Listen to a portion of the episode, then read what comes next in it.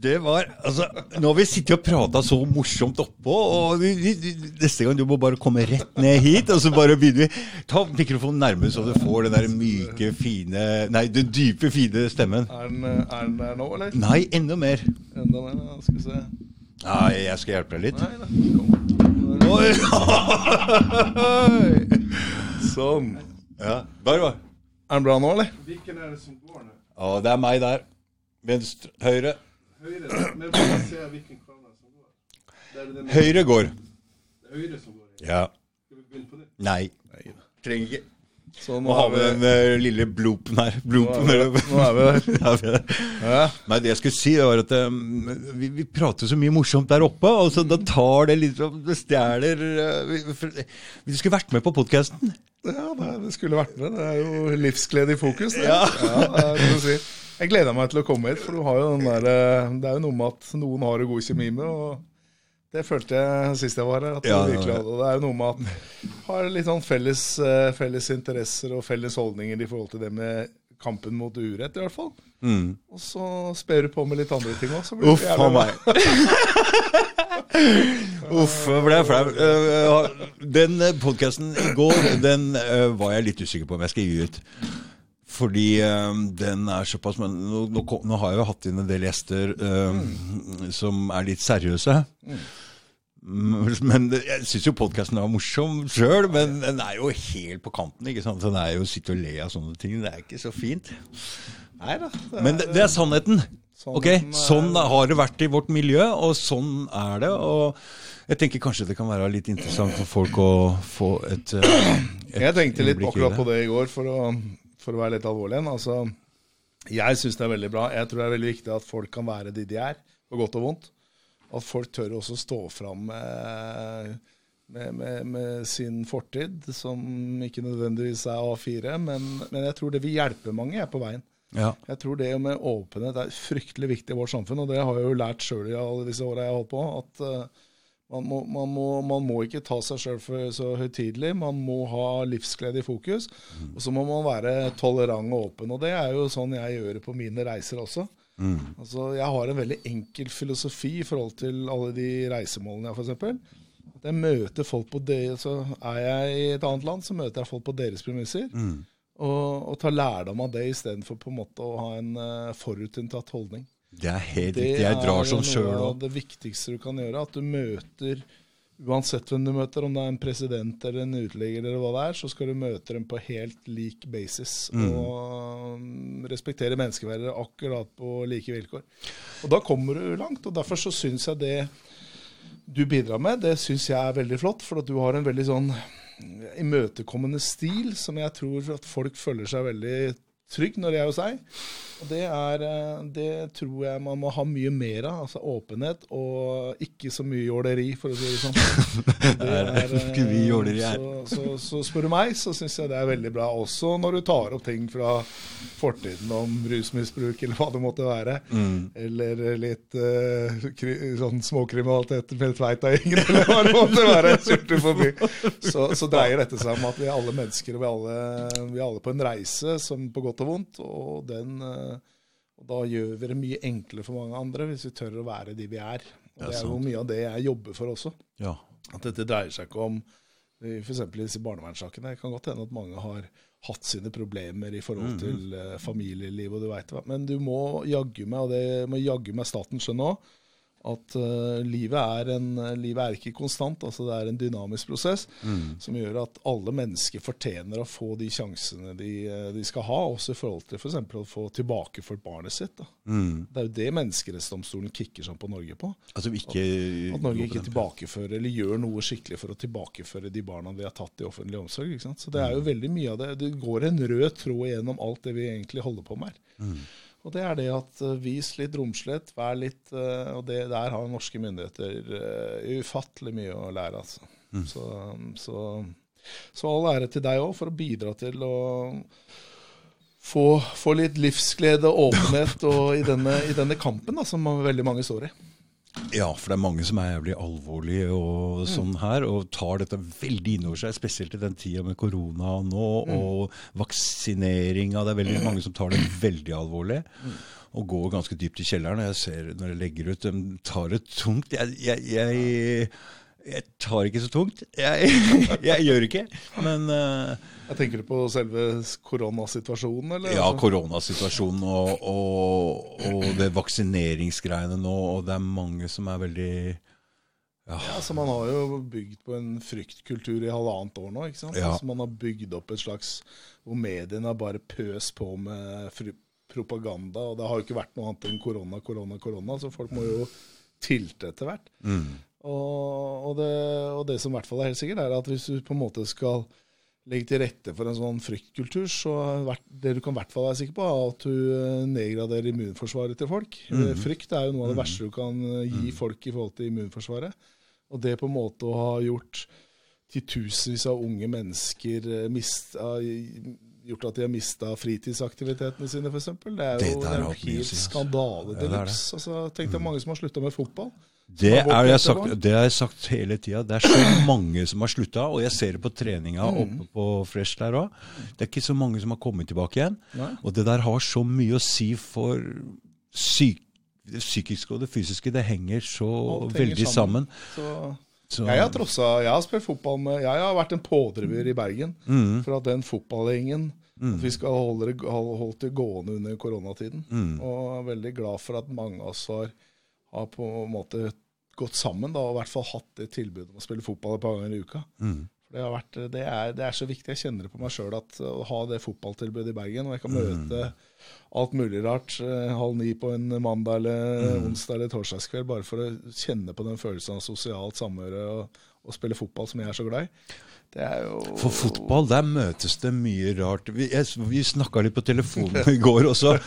For jeg spilte jo sammen med både tollere og statsadvokater og litt av hvert. Men jeg var såpass frekk at jeg hadde jeg, altså Alle visste at jeg røykte hasj og solgte hasj og alt mulig. Han Geir Wanger måtte fint finne seg i det. At jeg hadde en ferdigmekka før jeg, når vi varma opp, så hadde jeg en og bare sneik meg ut i busken der. Og, så der møtes det mye blanda drops.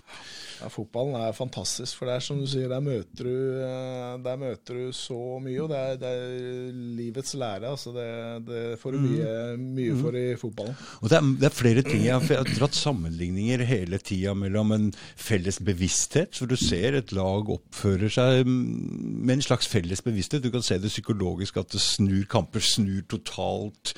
Og det er psykologisk, alt sammen. Det er så mye psykologi, vet du. Fotball er jo minst 50% psykologi. det Og så ser du hvordan perso per forskjellige personligheter, som er helt totalt forskjellige, samarbeider. Ikke uvenner, sånn som de er her. Nei. Tror at folk som er helt forskjellige av deg, skal være uvenner med eller uenige med. Nei, de skal samarbeide. Ja, For du har et felles mål, og det er å vinne den kampen. Ja, helt Og, det riktig. er, eh, og da er du nødt til å ha et sterkt samhold. Så, Så man lærer Mm. veldig mye av det. lagidrett tror jeg er utrolig bra. Og det er klart at når jeg ser hvor mange som har slutta på fotball eller annen lagidrett pga. den koronaen, så, så bør det virkelig ringe noen bjeller hos de som styrer. For Mm. det er jo et varsko om at uh, samfunnet er i, i forfall. Mm. For det er, eh, det er jo ingen tvil om at uh, som du selv sier, det fysiske og psykiske henger sammen. Mm. Og den fotballen redda jo meg på en periode der hvor jeg bare hadde det som holdepunkt. Mm. Ikke noe jobb, ingenting. Alt var bare Jeg hadde masse penger. jeg hadde masse... Så den fotballen var jævlig viktig for meg. Da det raste for meg òg i 2009, da de tok fra meg lisensen og slo meg konkurs, med, så, og hvor liksom hele fundamentet brast, da, så husker jeg at fotballen var alfa og mega for meg òg. Jeg hadde gutta, jeg spilte fortsatt fjerdesjonsfotball på den tida. Og, og de gutta de leste jo litt i avisen og sånn, men de sa da at vi kjenner deg, Marius, vi veit hvem du er, og eh, her uh, her veit du at du er en av oss, og, det, mm, og det er så utrolig viktig. Altså. Og- Jeg skal bare si, jeg skal bare si litt for å oppdatere For, å, for det Du sa du skulle komme egentlig sånn i firetida, så jeg hadde en kameramann her, og han kunne ikke komme før fire, så jeg ringte en annen kameramann, og så han kommer her nå, men nå er to kameramenn her. Og jeg har faen ikke sovet noe i natt. Jeg sovet i to og en halv time, så jeg er skikkelig sliten. Jeg kommer rett fra jobb. Men det klarer du. Ja, jeg klarer. Jeg ikke ja, ja, ja. ja, jeg er ikke Nei, bare sitt. Ok, ja. Bare, bare bytt hvis du vil. Vi snakkes. Det gjør vi. Da bytter vi kameramann, så alle veit det. Det er ikke verst, det. Det er bra.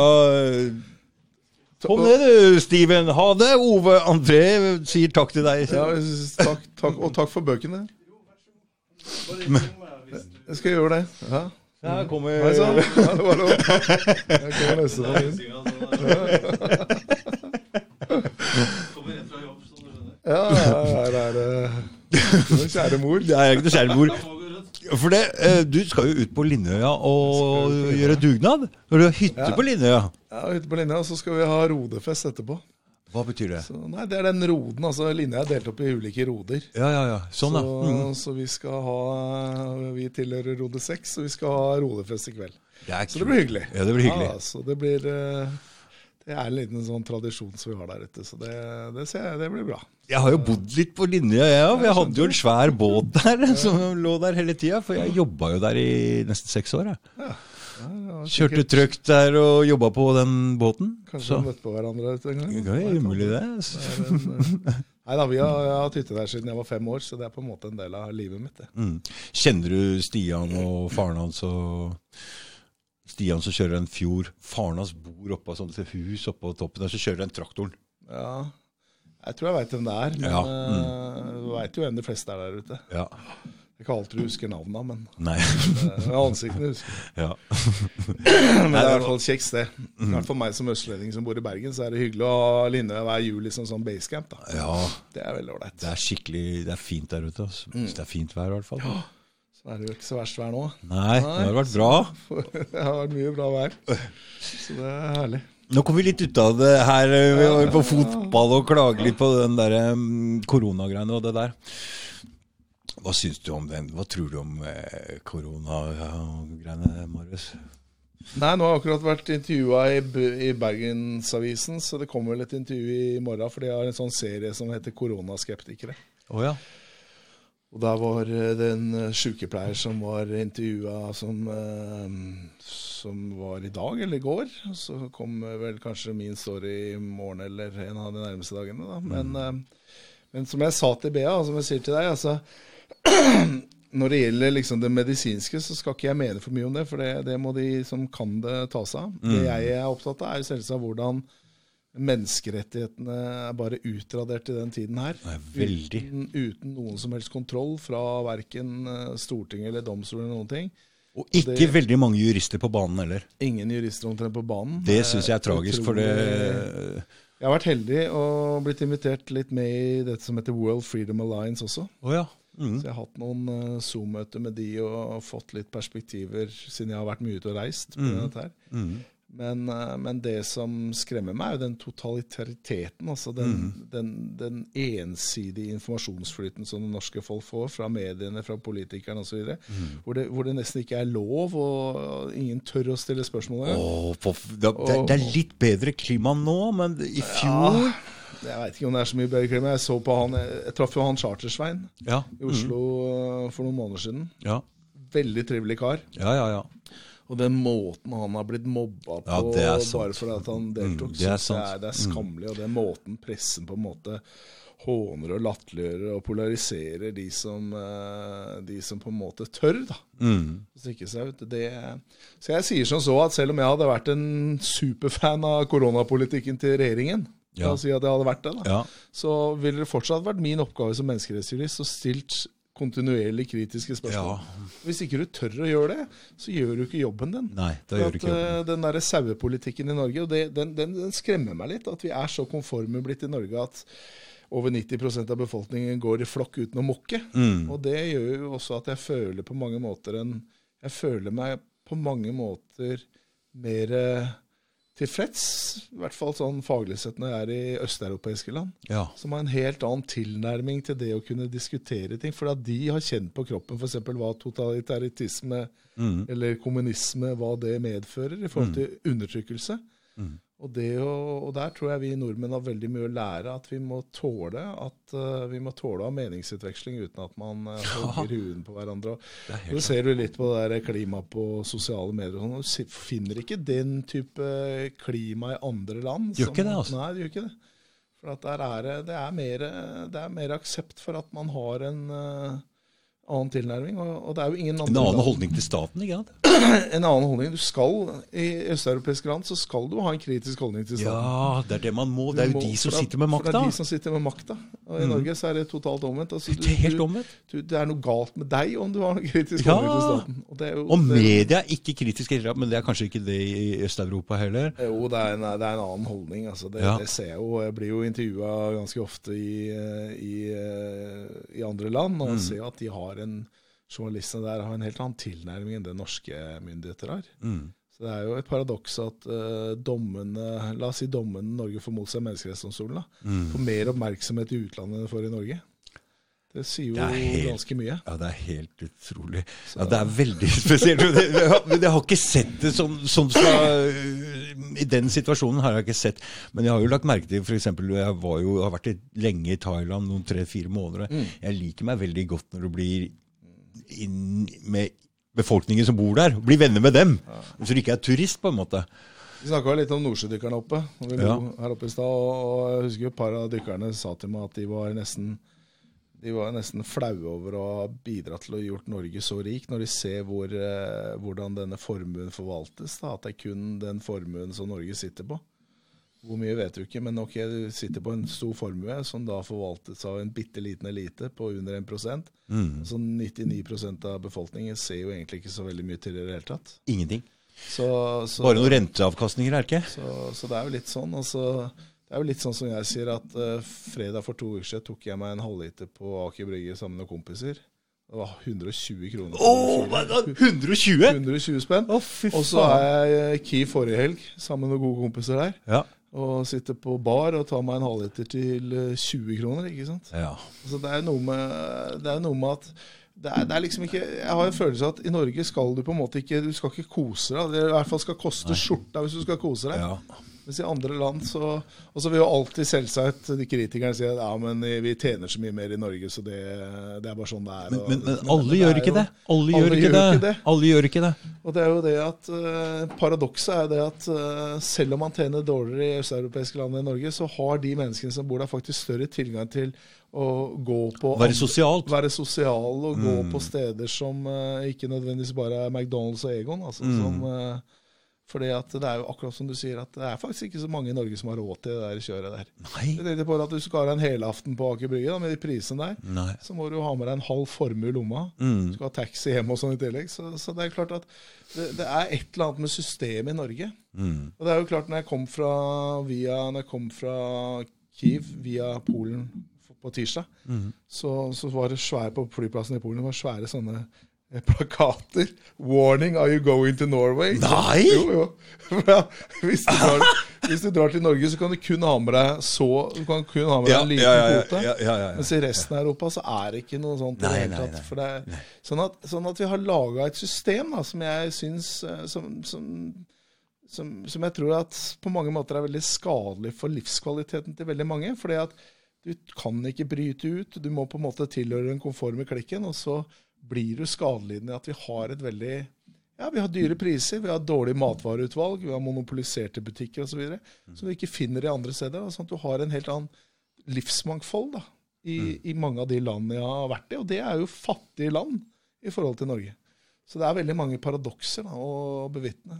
Og, og tilbake til koronadebatten, siden du sa det, så er det helt åpenbart at det er en langt større Eksempelvis eh, dette med å ta vaksine. Mm. Jeg tror ikke det er mer enn 3% av befolkningen i Ukraina for eksempel, som har tatt vaksine. 10 bare, ja. 3% Mens her hørte jeg på vei hit nå, så, har jo, så er det jo oppslutning på over- over 90% ikke sant? Så, så Og det maser noe veldig. Altså, jeg har fått, jeg får, det er, De ringer Mm, ringer på signal, det er på e-post, det er hele tida mas om den der vaksinen.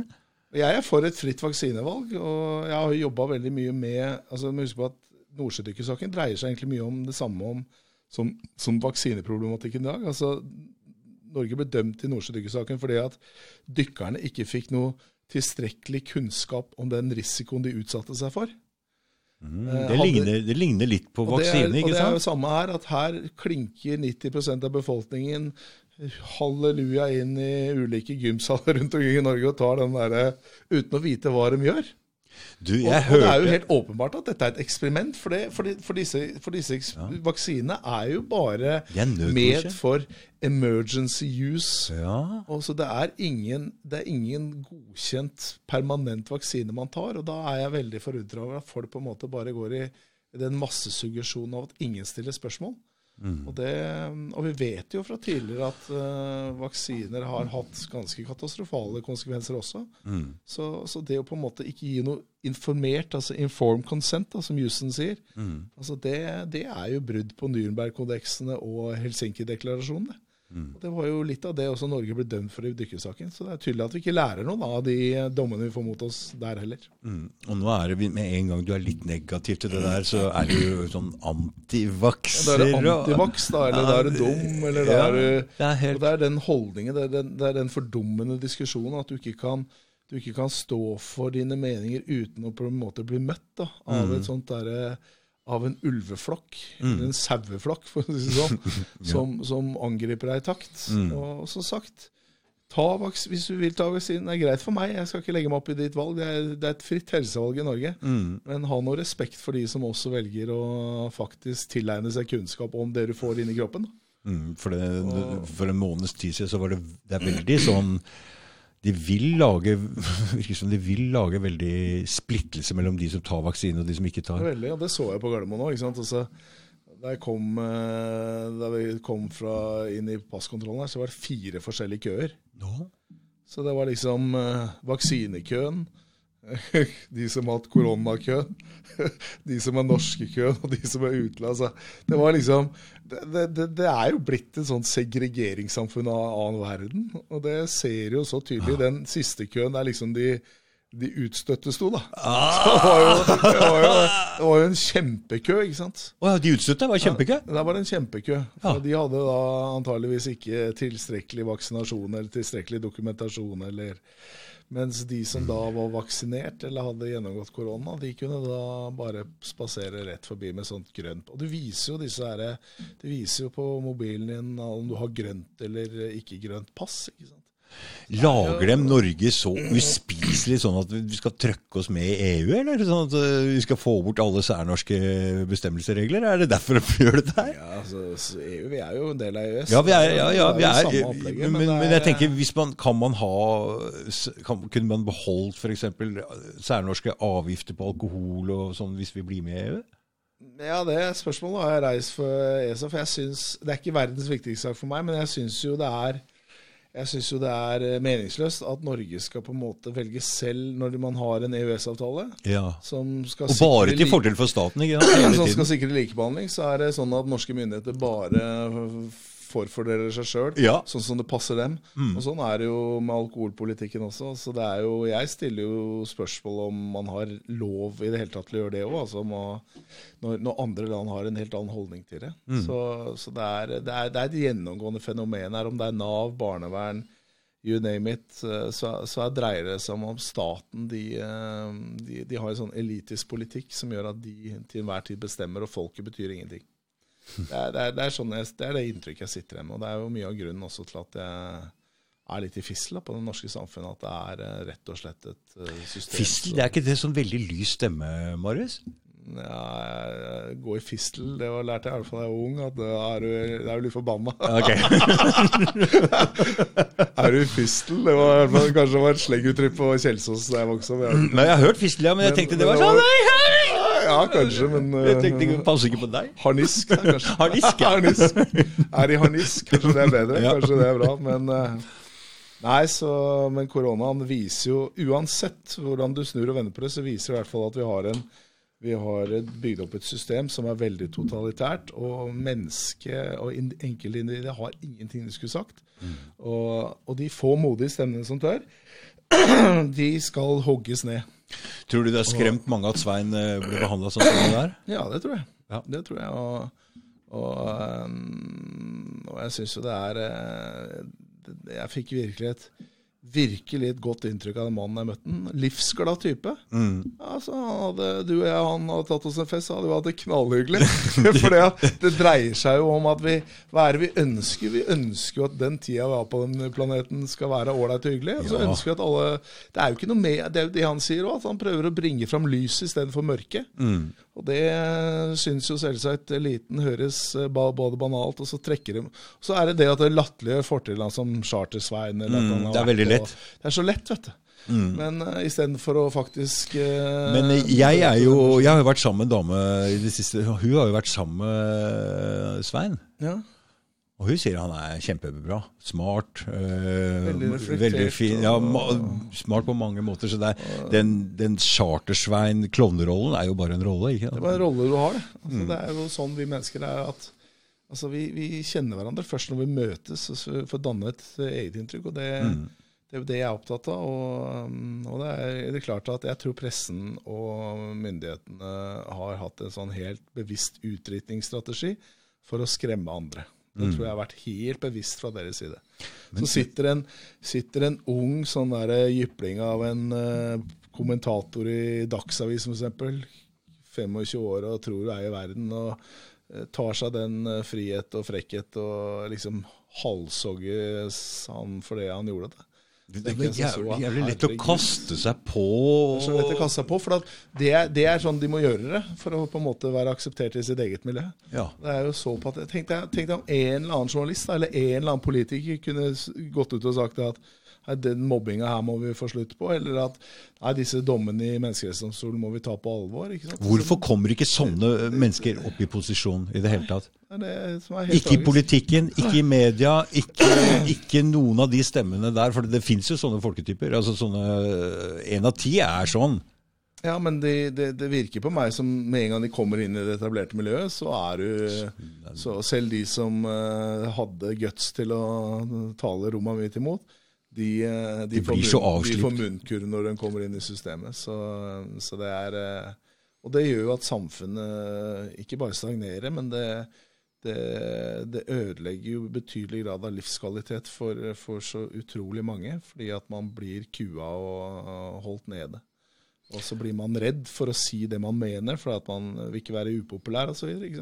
Men du, Norge har jo en ganske lang historie hvor vi har vært under både Dam Sverige og Danmark. Og, og Sverige, Det er jo mange mange hundre år. Og det stakk jo unna en del folk til Island, ikke sant? Og det var jo masse nordmenn som dro dit også. Det virker, så, ja, så det virker som om sitter igjen med Hva er det sitter igjen med her, da? Bare sånn kua, underkua folk som går, går og Altså, ja, altså jeg tror den oljerikdommen, for å kalle det det, olje- og gassrikdommen, altså den, den har nok ikke bare vært positiv med tanke på at vi har blitt et veldig sånn eh, konformt og likegyldig folkeslag på mange måter. Og tror vi er bedre enn andre? Det er helt utrolig. Ja, Der er du inne på noe som irriterer fletta meg. for å si sånn.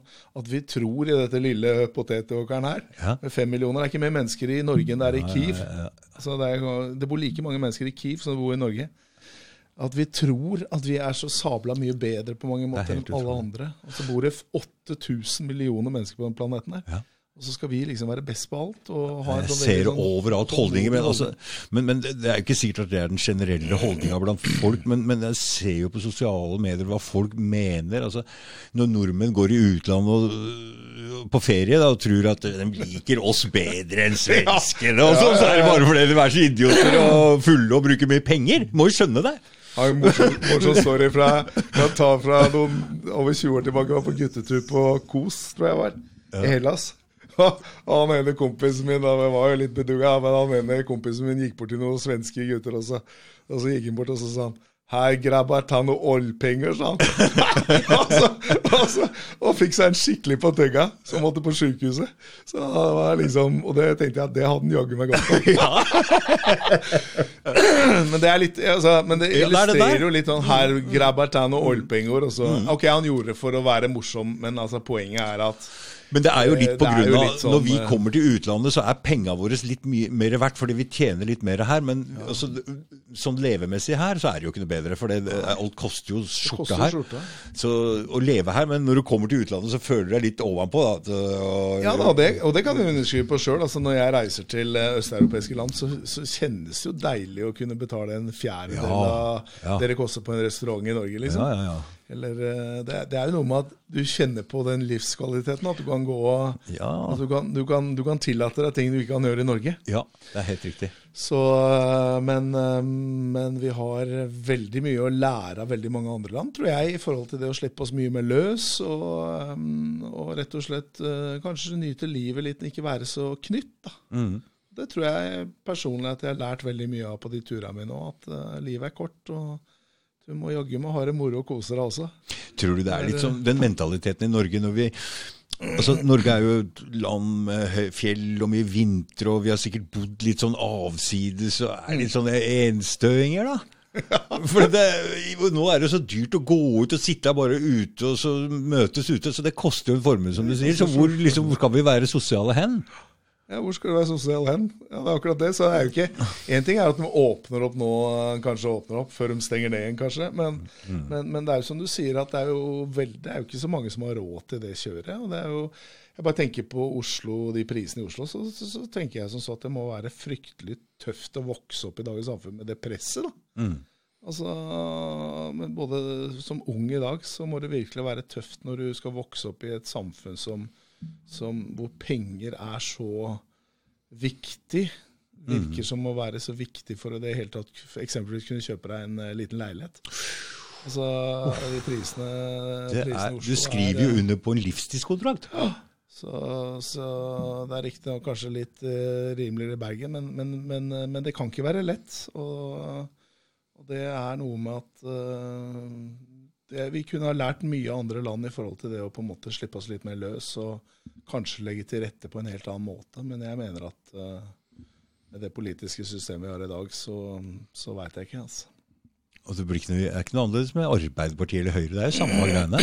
Ja, samme opplegg. Og det, og det er jo noe jeg også ser i forhold til disse Når jeg jobber politisk inn mot disse dommene fra Menneskerettighetsdomstolen, så spiller det jo ingen rolle hva slags parti du, du For det, at det er samme opplegget. Det er samme. det er god dag med økseskaft overalt. Det er ingen Det er ikke én eneste politiker omtrent som har uh, turt å åpne kjeften og sagt at dette her må vi gjøre noe med. ikke sant? Altså Det går bare på autopilot, og så håper man at det går over, fordi at det norske folk bryr seg ikke så mye. og så er det Bryr seg ikke. glemt, eh, Bryr seg ikke så mye. bryr seg ikke, og så er det glemt om litt, og så går verden videre sånn som det har vært, og så fortsetter det. Mens de ofrene som sitter igjen med, med umenneskelig lidelse, de blir, eh, de blir fort glemt. For det fins ingenting Altså, jeg har jo sittet i fengsel, og det er én ting Det er ikke så farlig, men når du begynner å true med å ta fra deg unga dine Når du tar fra deg unga dine Det er altså den, den, den, den Det er så mye, mye, mye, mye verre. Mye mer alvorlig. Og jeg har jo hørt litt på noen saker og sånn. også det er jo når du sitter i avhør hos politiet, så veit du jo hva du er, hva er tiltalt for. Og så veit du saken, sånn og sånn. Det er ganske klare regler. Avhør her, du kan nekte eller ikke, sånne ting. Der sitter du og har avhør, veit ikke hva, vet ikke, noen ganger ikke hva slags anklager det er. ikke sant? For det er, og du veit ikke hvem, og du sitter, du veit ikke at det er avhør engang. Og, og, og, ikke sant? og de manipulerer med hva som blir sagt. Altså, det er jo Du er mer eller mindre rettsløs. Ja, Og så har de større makt enn politiet har. Altså større alt- kraft også. Og så er alt på det jeg kaller for elitens eh, premisser. Så du er prisgitt hva de til enhver tid mener. ikke sant? Så det er, eh, Det er rett og slett et råttent system som på mange måter er avslørt i utlandet, men som allikevel eh, dilter videre som om ingenting har skjedd. Og det kan de gjøre fordi at vi sitter her, vi er på en måte en, en egen del av verden oppe i steinrøysa her som eh, flommer over av offentlige kroner. Jeg kaller det offentlige penger. Ja. Det, kommer ikke, det kommer ikke individene noe særlig til gode. Og så, og så får vi da en enorm forskjell mellom da den offentlige lille eliten og de stakkarene som må kjempe mot dette systemet. For det begynner å bli mange sånne øh, ofre for barnevernet nå. Ja, det er jo tusenvis. Altså, Husk på at det var en dommer som sa til meg det at hvis et land blir dømt i Menneskerettighetsdomstolen, for det er så sjelden, mm. så kan du gange den dommen med i hvert fall 1000 lignende tilfeller. Ja. Det syns jeg var ganske godt sagt. Og Det betyr jo da at hvis Norge da har fått elleve dommer bare i barnevernet siden, siden september Så er 2018, det 11 000 så kan du i hvert fall si 11 000 saker. da. Mm. Og, og det kan jeg si med, hånd med sikkerhet at det dommene i Menneskerettighetsdomstolen er ikke alltid de dommene jeg er enig i, men, men det Norge blir domfelt for, er jo nettopp fordi at de ikke er gode på å tilbakeføre disse Det er det det går på mest, Det er det det går på mest. Og det gjelder ikke bare de elleve dommene, det gjelder for absolutt alle sakene som Norge har hatt uh, siden, uh, siden sikkert etterkrigstiden. De drøyer og drøyer med de saka, så fosterforeldrene blir sittende med unga altfor lenge, og så til slutt er det for seint. Ja, altså, Da sier de nei, dette det, nå, altså, så argumenterer med at det har gått, nå, nå har det gått så lang tid, Ja. så nå er det for seint. Nå er det for seint, ja. Da vil det ødelegge igjen og bytte igjen, ikke Det sant? kan vi ikke gjøre. Nei. Og så spekulerer vi i det, og så er det selvsagt uh, money talks her også. Med så ufattelig mye penger som går gjennom systemet, Ja. så er det selvsagt utrolig mange advokater, psykologer, dommere, uh, businessfolk som ønsker at systemet skal være sånn. For det er klart at hvis du reduserer mengden, hvis du tilbakefører de barna som Menneskerettighetsdomstolen skal tilbakeføres, da, så, så vil jo selvsagt pengesekken eh, gå drastisk ned. For da er det ikke Men du Så der har du mye. vet du. altså de, ja, For det er mye penger der, ikke sant? Ja, det er over 30, det er rundt 30 millioner, kanskje enda, nei, milliarder i året som genereres gjennom dette systemet. Og de pengene er ikke oljepenger, det er skattepenger. Det er offentlige penger, ja, selvsagt. Det er skattepenger, ikke? Folk som vi betaler i skatt. Dette jeg leste før jeg kom hit i, det, ja, i går kveld, var det vel. Så leste jeg på båten fra Lindøya at uh, Bufdir, da, som er med på disse forbrytelsene Hva er Bufdir, Marius? Det er Barne-, ungdoms- og familiedirektoratet. Det er liksom de som på mange måter er eh, departementets forlengede arm inn i dette systemet. De, har det, de har det statlige ansvaret. da. Men De hadde jo da nå eh, gitt noen reklamefirmaer 60 millioner kroner over en tidsperiode på fire år for å på en måte pynte på fasaden. Så det igjen skal se ut som Norge da er verdensmestere her også, selvsagt. Det er statlige penger. Men jo, det- det er selvsagt skattebetalernes penger. Så, så det, du er, Er det så 60 mill. her, og så har de gitt noe, så gir de en haug med millioner til advokater, som er selvsagt offentligvennlig, som på en måte skal pynte på dette bildet, og så oppnevner du noe gransknings, granskningsutvalg, hvor, hvor selvsagt de som sitter der, det er jo de som da er statens talerør. Så i det hele tatt så er dette her eh, svikt, korrupsjon og penger satt i system på en måte som er For det er klart det at det- folk er jo Når du får en jobb, eh, så utfører du den på best mulig måte. Altså, jeg, altså, jeg er jo advokater. Altså, jeg husker jo første advokaten jeg hadde. og Da, var jeg, eh, da, da kom jeg med tre forskjellige forklaringer, og så sa jeg 'hvem skal jeg ta'? Skal Og da sa hun ja, du får ta den der, men hun glemte å si noe annet. altså Det var jo et dårlig forslag allikevel. Men altså, advokater eh, jobber for det beste for, eh, for å gjøre en best mulig jobb. Og hvis de er ansatt sånn av staten, så, så Det er klart at Du må huske på at det barnevernssystemet vi har i dag, er fryktelig lukrativt for veldig mange advokater. Ja, det er det jeg tenker på. Så det er klart at de er vel mer opptatt av penga enn av de familiene som rammes. Så for å si det enkelt, da, så er du nødt til å ha Du er nødt til å attakkere eller angripe veldig mange familier Mm. for å kunne rettferdiggjøre det systemet du har i dag. Mm. Og det er jo det folk i andre land ler jo av det systemet vi har. For de sier jo at det ville vært helt utenkelig å ha et sånt norsk system i la oss si Italia, Hellas, Ukraina, Polen. fordi at Men det sier litt om den norske mentaliteten at sånne advokater eh, kan leve med det der. Og rettferdiggjøre det seg overfor seg sjøl, når de ser hvor mange folk liksom Da klarer de å se ned på folk altså, og si at disse folka er bare skum sånn er- eller slum eller Ja, for å, for å, for å si det litt brutalt, sånn er dessverre det norske systemet. Ja. Du, de, de, de, du, du har fått Jeg kaller det et slags segregeringssamfunn. At uh, norske, den norske eliten, da, som jeg kaller det, består av advokater, psykologer osv., de angriper de de ser på som ressurssvake, ja. og så bruker dem til sin egen eh, til sin egen Det er sånn, det, sånn kan det ses ut, Det er, mm. ja, men det er ikke bare sånn. Det, det, er, det er sånn. Det er sånn, Og det er tragisk å bevitne at, at jo lenger tid det tar, jo, jo, jo lenger norske myndigheter eller advokater eller hva det måtte være, klarer å sabotere tilbakeføringsprosessen Mm. til den familien, jo mer penger tjener de. Og jo større blir lidelsen på andre sida. Der har du mye av problemet i dag. Og dette ville aldri ha skjedd i Det er dirty money. Det er skikkelig det er, det er skikkelig råttent. Ja. Men, eh, men det, er, det er jo sånn det er. Og, og, og som sagt, hadde dette skjedd i Hadde denne praksisen som Norge holder på med, skjedd i land som Polen eller Bulgaria osv., så, videre, så hadde det blitt eh, ramaskrik av en annen verden. Altså, da, hadde, da, hadde, da hadde folk i eliten blitt drept. Og da hadde det blitt opprør. Og det hadde ikke blitt eh, Og det, jeg syns jo Litauen er et godt eksempel på det. da, For Litauen har jo fått haugevis av millioner, hundrevis av millioner, kanskje milliarder av norske stat. Og, men på den betingelse da at de transformerer det barnevernssystemet sitt sånn, sånn at det skal ligne på det norske. Oi. Og så gjorde for så vidt Litauen det, da. Mm. Brukte de penga, altså det var jo en forutsetning, brukte disse penga til å styrke barnevernssystemet sitt. Mm. Men hva skjedde? Jo, det begynte jo å bli opprør, fordi at eh, det var ikke Det er, det er rett og slett ikke kultur for det. Sånn at, eh, og, og, og det samme i Bulgaria, da jeg var der for eh, snart to år siden. Holdt en tale på torget i Sofia med over 10 000 mennesker. Og hvor, og hvor barnevernet var på en måte et eh, fryktens ord, fordi at Det bulgarske barnevernet? Nei, det norske. Det norske, ja. Fordi at Hvis det norske kom til Bulgaria, så ville jo alle bulgarske familier være i fare. For det er jo et fattig land. Ja, visst det er. Familien er jo fattig. ikke sant? Så de Ja. tenker sånn at jeg har jo ikke Jeg, er jo en, jeg tilhører jo en fattig familie, Ja, og da er jeg automatisk i fare. det er helt riktig. Og det er jo, det, For, det som for det går liksom på Hvis du ikke kan gi ungen din det og det og det, så er du ikke god nok? Ja, og Du ser jo på de stakkars eh, foreldrene i Norge som kjemper i årevis for å prøve å få tilbake barna. Mm. Det hjelper jo ikke hva de gjør. For barnevernet eller systemet kommer alltid opp med noe nytt. Så uansett hva de måtte ha gjort av forbedringer Se her, nå har jeg gjort sånn og sånn og sånn. ikke sant? Mm. Så, vil, så vil systemet alltid Nei, det er ikke godt nok. Så finner de på noe nytt.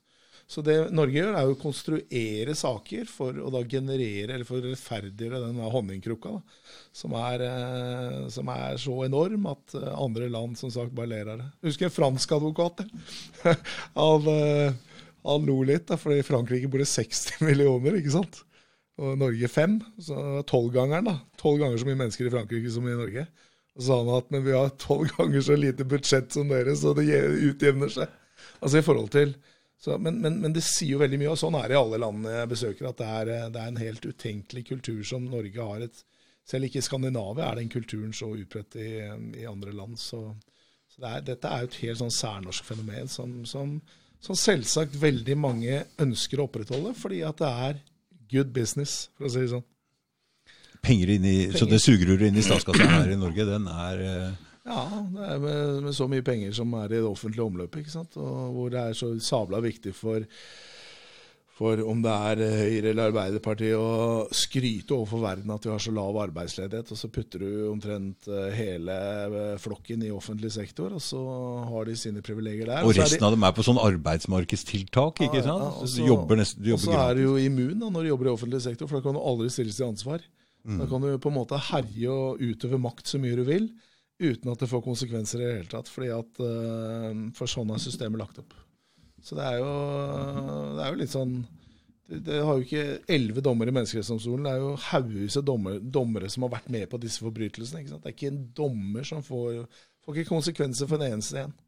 Mens de på andre sida, altså de ofrene, de har jo da fått ødelagt, rasert livene sine. Så det er jo, det er jo Men er det ingen land nå som begynner å, å reagere på Norges oppførsel? Er det, ikke noe, er, altså, er det ingen makt bak eh, EMD? Er det ikke noe Nei, det er et godt spørsmål. Glad du stiller det. Men det er nok relativt beskjeden, den maktstrukturen eh, Den, den makta EMD avsier jo dommer, og så er det ministerkomiteen, da, som, har, det er, som på en måte er en egen del av Europarådet. Hva er egentlig er, EMD? EMD er jo Den europeiske menneskerettsdomstolen. Ja. Og de avsier jo dommer mot da alle land, men også mot Norge. Men hvem er det som sitter der som dommere? Det er utnevnt av de forskjellige landene. Er alle europeiske land med i EMD? Bortsett fra Hviterussland. Der er alle med. Og det, er altså alle, 47 medlemsland. ja, og Da må de jo på en måte ha blitt enige om at dette er noe vi skal ha, og dette er noe vi må følge, og dette er noe Ja da, Det er derfor barnevernspolitikken i Norge er en del av den ja, det, det er, sant, Du har tortur i Russland, og så har du barnevern i Norge, og så har du ja, kvinneutryggelse i Tyrkia. Altså Det er forskjellige sånne rettsområder. da. Men, men barnevern i Norge har jo pekt seg ut. og derfor, Det er jo derfor Norge dømmes, og ikke f.eks. Sverige og Danmark. Fordi at Norge har pekt seg ut som, en, som et land som systematisk krenker menneskerettighetene når det gjelder det å tilbakeføre barn til sine biologiske familier. Så Det er derfor Norge gang på gang på gang blir domfelt. Fordi at Europa og Menneskerettighetsdomstolen har sett at her er det systemet som er Det er ikke, det er ikke enkeltsaker, det er systemsvikt. Da prøver man liksom å signalisere det, og så er det ministerkomiteen da, som skal håndheve disse dommene. Men, men det er riktig som du sier, at det er lite sanksjonsmidler. Og det skuffer meg jo at ikke man har tråkka hardere på gassen når det gjelder å mm, sanksjonere mot Norge. Og Jeg ville gjerne sett at Norge risikerer å bli kasta ut av Europarådet, f.eks. Sånn som Hviterussland. Fikk jo, Hviterussland er jo det eneste landet som ikke har fått være med i Europarådet. Fikk ikke være med, nei. Nei, fordi at man mener at Hviterussland har et diktatorisk system som, og hvor man også praktiserer en dag i dag dødsstraff. Eh, Riktignok kanskje på, bare på papiret, men, men det har i hvert fall vært praktisert. Men, men, men, men, men det er, jeg mener at det er på tide at noen, det internasjonale samfunnet begynner å reagere sterkere på det Norge gjør, i form av sanksjoner som Norge Norge er jo med på å boikotte av land de mener bryter menneskerettighetene, så det må jo være en likhet her. Mm. Og Det er klart at eh, det Norge driver med, er jo, det er jo rett og slett Minner meg egentlig veldig om Jeg var på New Zealand i, rett før koronaen kom til Norge i februar i fjor, 22. Så var jeg jo der for å støtte maorien, altså minoritetene. Fantastisk opplevelse. Men, men hvordan de er blitt tråkka på av liksom eliten. da. På New Zealand og Norge er ganske like i både Ja, folketall ja, stemmer. men hvordan min minoriteten, eller maorien, altså urfolket, hvordan de, hvordan de liksom bare er blitt frastjålet barn og sånn. Og veldig mange likhetstrekk med hvordan Og det er barnevern der oppe òg, ja. Ja, det er samme systemet. Og det var jo derfor Samme systemet? veldig likt system. Så New Zealand er kanskje det landet i verden eh, som har et eh, som ligner vårt barnevernssystem. Rart Det er geografisk og, og så er så langt unna hverandre. Ja, men de er, ligger jo ganske Det er jo likt mye Det er veldig likt bygd på mye det samme. Så Men jeg tenker sånn geografisk når det gjelder klima, når det gjelder fjell, er ikke veldig ganske likt, og folkeantall og Folkeantallet er ganske likt, og størrelsen på landet er ganske likt. Og, mm, men det er nok Det er kanskje ikke vinter der? Det er ikke den type vinter vi har. Ja, ja, du har jo den sørlige øya. Jeg var jo stort sett bare på den nordlige delen av øya. Ja, Der er det mer tropisk klima. Oh, ja, oh, ja, var veldig, veldig deilig. Men, men, eh, men, eh, men du ser jo det at det er, eh, det er den forfølgelsen av minoriteter da, som Norge bedriver. Og, og der har jo Norge vært en versting, altså. Så se hvordan de har behandla tatere, og hvordan de hvordan de behandler nå folk som de anser da, for å være easy match, ikke sant. Ja, for nå, Så nå så leste jeg en sånn om notatere her. Da hadde endelig fått en journalist fikk lov å komme inn i rettssalen mot en, en barnevernssak. Ja, det var den saken Det var den, det var den jeg kaller det for, kan kalle det for Det er en sak som jeg kjenner litt til. Sånn Line og Per-saken, kaller jeg det. Ja. Og, øh, og det er jo en helt skandale. Det er jo taterslekt. Så Line kom jo av taterslekt. Mm. Og advokaten eh, til kommunen han prosederte jo jevnlig på at det var viktig at denne jenta ble holdt sin ble fornorsket, ikke sant. Så, Ble fornorsket, ja. ja. Og, og du, men du så jo resultatet Det kom jo nå, at uh, retten ga jo kommunen medhold i at det var helt greit å tvangsadoptere datteren. Men denne fornorskinga, det virker ikke som det er noe god idé. Hvis Norge er jo ikke Norge er jo Nordmenn og Norge Jeg er ikke så imponert. Nei. Nei, Det er eh, mye bra med Norge, selvsagt. Vi er jo heldige på mange måter som bor her, men det er riktig som du sier at det er fryktelig mye forbedringspotensial. Og, og jeg tror personlig at veldig mange nordmenn hadde fått det mye bedre hvis vi hadde fått et styresett som satt mennesket i fokus, og ikke, ikke bare var opptatt av, av denne eliten som styrer så uhorvelig mye av det landet vårt. Hvordan skal, hvordan skal vi få snudd det her? For det må det bli mye verre, så folk ser det ordentlig. Så vi, for det virker ikke som det er noe Altså, det er jo Det har jo skjedd en slags liten sånn oppvåkning nå under korona, men det er jo ikke nok til å lage noe omveltning i, i selve systemet. Og vi trenger en skikkelig forandring. Ja, den oppvåkningen Jeg vet ikke hvor stor den oppvåkningen er. Det er, det er noen prosent av befolkningen som er våkne og som tør å, tør å stille spørsmål. Men majoriteten er jo dørgende stille og støttende i forhold til styresett. Og, og Media må, altså media må med. Media må, det er media som må snu. Ja, Men mediene er jo, det er jo, det er jo Altså Å lese mainstream media i Norge er jo rett og slett etter min mening en katastrofe. Altså, Ja, det det, er er jo en hjernevaskkultur så det Det er sant. Mm. Og, men det er klart at folk kjøper det, folk sluker det rått. Og, og, og jeg syns jo dette med vaksineringen er veldig interessant. At du har en Jeg tror ikke, uten at jeg skal være sikker, men jeg tror ikke det er noe land i verden som har en høyere oppslutning rundt vaksinen enn Norge har. Så det sier jo også litt om hvor slavisk tro du har på det norske systemet. da. Når, du på en måte, når det er over 90% som eh, uten å mukke tar denne vaksinen. i hvert fall Én ting er at du setter deg inn i hva dette innebærer. Hva, for jeg tror med hånden på hjertet at hvis du stiller 99,999% av Norges befolkning spørsmål om vet du hva du har injisert i din egen kropp, så har de ikke peiling. Nei, nei, nei. nei. Så noen sier jo til meg at ja, men det er jo ikke så farlig. Jeg tar jo på meg solkrem uten å vite hva den inneholder òg, ikke sant. men, men, men det er klart at du injiserer jo noe som du ikke har peiling på. Så, og det er, jo, det, er jo litt, det er jo det som er så fascinerende, at i andre land så stiller man i hvert fall spørsmål da, på en annen måte. Som gjør også at skepsisen blir større. Og den, eh, den eh, farmasøytiske industrien altså nå så jo jeg, jeg har sett en dokumentar på to deler som ligger ute nå, om, om den opiodkrisen i, i USA. Oh my god, de er så rå. De driter fullstendig i folk, altså. Ja, det er helt Det er sinnssykt. helt sinnssykt. De visste altså det er død altså, Jeg veit ikke død, men altså Det har skapt en sånn heroin altså Det er så mange Det har skapt så mye lidelse, så mye død og så mye faenskap, og det der visste de om. For å si det sånn, da. Drat. jeg var jo sjøl utvekslingsstudent i USA. Jeg husker jo eh, vi dro til West Virginia. Og der var, jeg, for ikke, der var jeg sist jeg var i USA for noen år siden. Og, og, og dra til West Virginia Hvis du drar til West Virginia, så er Afrikas helvete et paradis i forhold. Det sier ganske mye. For det er bare knark og arbeidsledighet? Det er bare elendighet. Og knarken har jo tatt rotta på hele staten. Og Det har de gjort er, det er en hel stat, det er en hel befolkning som har blitt avhengig av det der. Oxycontin og fentanyl og greier som du har reklamert så, jævlig så, for. da, så, da, så det er jo rett og slett for mange hell on earth, altså. Og det er, snakker om USA.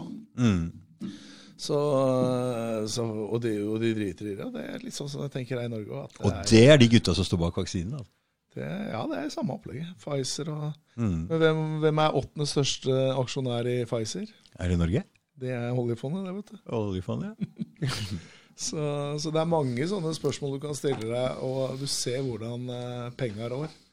Og på toppene sitter jo det der World Economic Forum, da, som helt åpenlyst har sagt at dette er en del av the great reset. ikke sant? ja.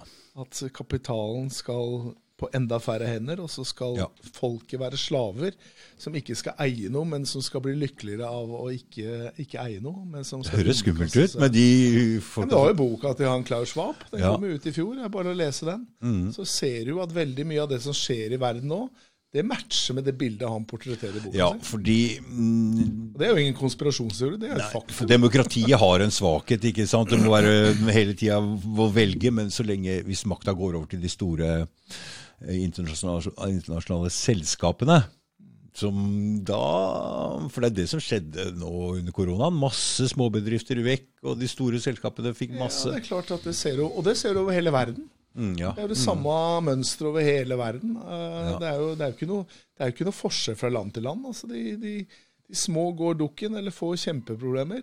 Og så er det noen som profitterer noe enormt på dette her, også de store, og ikke minst da vaksineindustrien. og kan bare tenke meg hva bunnlinjen i Pfizer er nå. ikke sant? Altså, kan bare tenke deg selv. Det er vel ingen som tør å snakke om tallene engang, for det blir så absurd at de, det, det, er ingen som klarer å ta det til seg engang. Men det er ingen som klager, altså, de klagde på AstraZeneca og den Johnson Johnson, men ingen kritiserer Pfizer her. Nei, og AstraZeneca er jo litt av det, det, jeg, det var vel i februar så fikk jeg en henvendelse fra en dame som sa til meg at Marius, jeg, er, jeg, jeg føler meg tvunget til å ta vaksinen. for Jeg jobber i helsesektoren. Jeg, jeg syns det er ubehagelig. Og det var hun dama på Hun øh, døde jo kort tid etter, etter å ha tatt AstraZeneca-vaksinen. Og Der ble det jo slått fast at Og det har jo også Eh, Det har jo også myndighetene erkjent, for de har jo utbetalt erstatning for det, at det var en årsakssammenheng mellom vaksinen og hennes død, altså at hun fikk blodpropp og døde. Eh, Og så er det som du sier, så har man lagt all fokus på AstraZeneca, de dødsfallene der. så har man på en måte mm, konkludert. de. Men hvis du ser på det, statistikken til Legemiddelverket, Så er Pfizer så er jo. Pfizer langt, langt over er i forhold forhold hva? til antall dødsfall. Men det, det er det ingen som snakker om. Ingen snakker om det. Nei. Så det er jo, for det er bare å gå, Legemiddelverket oppdaterer jo hver, jevnlig hver uke antall dødsfall. og De stiger jo jevnlig, Mm. som er knytta til vaksinen. Men da er det på en måte, men det er det helt, det holder man helt kjeft om. Det var veldig merkelig, fordi eh, når, vi, når folk døde av dette, så var det jo bare altså, Av korona, mener jeg, så var jo gjennomsnittsalderen over 80 år. Og da var det liksom Men det, liv er et liv, et liv Ja, er et liv, og greier. Men nå, når de dør av vaksinen Ja, det, nei, nei, nei, det var, de var var, de var dårlige og skrøpelige. Ja. Ja, så det er helt, Det er jeg helt- Det er det er helt utrolig at det går Altså, folk ser det der. Og så- og Hvordan kan de er på snu sånn på den logikken der? Skriver ikke et ord om dette med Pfizer og virkningene. Hadde en veldig god venn, en beste, bestekompis min i Litauen, som har vært uh, utrolig viktig for mitt arbeid i Litauen. Han uh, låste seg jo inne da koronaen kom. Husker jeg skulle, var i Litauen i november og sa skal vi ta en Skal vi treffes og Skal vi treffes og ta en kaffe? Nei, han kunne ikke det, for det var eh, lockdown i Litauen, og han måtte følge restriksjonene. Og så tok han Pfizer-vaksinen i jeg tror det var i februar, eller noe. og skrev på Facebooken sin at endelig kan jeg begynne å leve igjen. ikke sant? Og en uke etterpå var han død. Så, eh, så det, det er eh, Det er klart at det også gjør du gjør dine tanker. At den vaksinen, det, den eh, men, men der er det på en måte sånn hellig, hellig skrift, at der skal du holde kjeft. Der skal du ikke problematisere noe opp mot den, og du skal på en måte bare følge normen osv. Det er klart at, men, men det er jo bare å gå inn på Pfizer sine egne sider. Så ser du det at dette er en vaksine som er ment for emergency use only. Så at folk på en måte lar seg frivillig underkaste et for, for det har jo den Sunnhetsstyrelsen i Danmark, som er likt altså Folkehelseinstituttet i Norge, de har jo også gått ut på sine sider. Danskene mener jeg er litt mer redelige enn oss. Uh, I hvert fall myndighetene. De, de sier i hvert fall, de kaller en spade en spade noen ganger. Og de sier jo at dette er verdens største eksperiment. Det sier Sunnhetsstyrelsen i Danmark. Så da har du jo, da har du jo offensielt fra myndighetenes hold at dette er, du er med på Du underkaster deg verdens største eksperiment. Og det er ingen Ingen, skal, ingen har jo peiling på hva langtidseffekten er. Nei. Og I dykkersaken var det jo langtidseffektene som var Det var da Det var jo ikke på kort sikt at dykkerne fikk problemer, det var jo på lang sikt at dykkerne fikk problemer. Oh, ja. Det kom jo 10-20 år etter at de hadde slutta med karrieren sin. Så dukka jo dette med encefalopati, altså lettere hjerneskader, opp. og oh, ja. Jeg lo jo når jeg hadde gutta på Vi holdt på med dykkersaken, og du kunne si du kunne si noe det ene øyeblikket, og så huska de ikke to, ett minutt etterpå husker de ikke hva de hadde sagt. Fordi ting dukker ikke opp før lenge etterpå. Så Nei, de amerikanske fotballspillere, det er først nå Riktig. nå hvor de har holdt på med dette i 30-40 år, at de skjønner at oh my god, alle de skadene de får med de hjernerystelsene hele tida. Så, så, så det, det er helt ubegripelig at folk på en måte da Men eh, for, for, for, for, som sagt, jeg er for et fritt vaksinevalg, men i hvert fall Men juridisk så er det Så er det norske myndigheter gjør. Utrolig komplekst og tvilsomt i forhold til særlig den dykkedommen som er veldig tydelig på at norske myndigheter kan ikke, kan ikke bare utføre eksperimenter på mennesker uten informert samtykke, i hvert fall. Men hadde, eh, hør nå. Hør nå. Altså, det er jo noen som sitter med en plan om å lage én verden, ett styre, en overnasjonal styre. ja, det, er jo, det er jo World Economic Forum. Det Ja, jo, og hvis de får da hvert enkelt styresett, f.eks.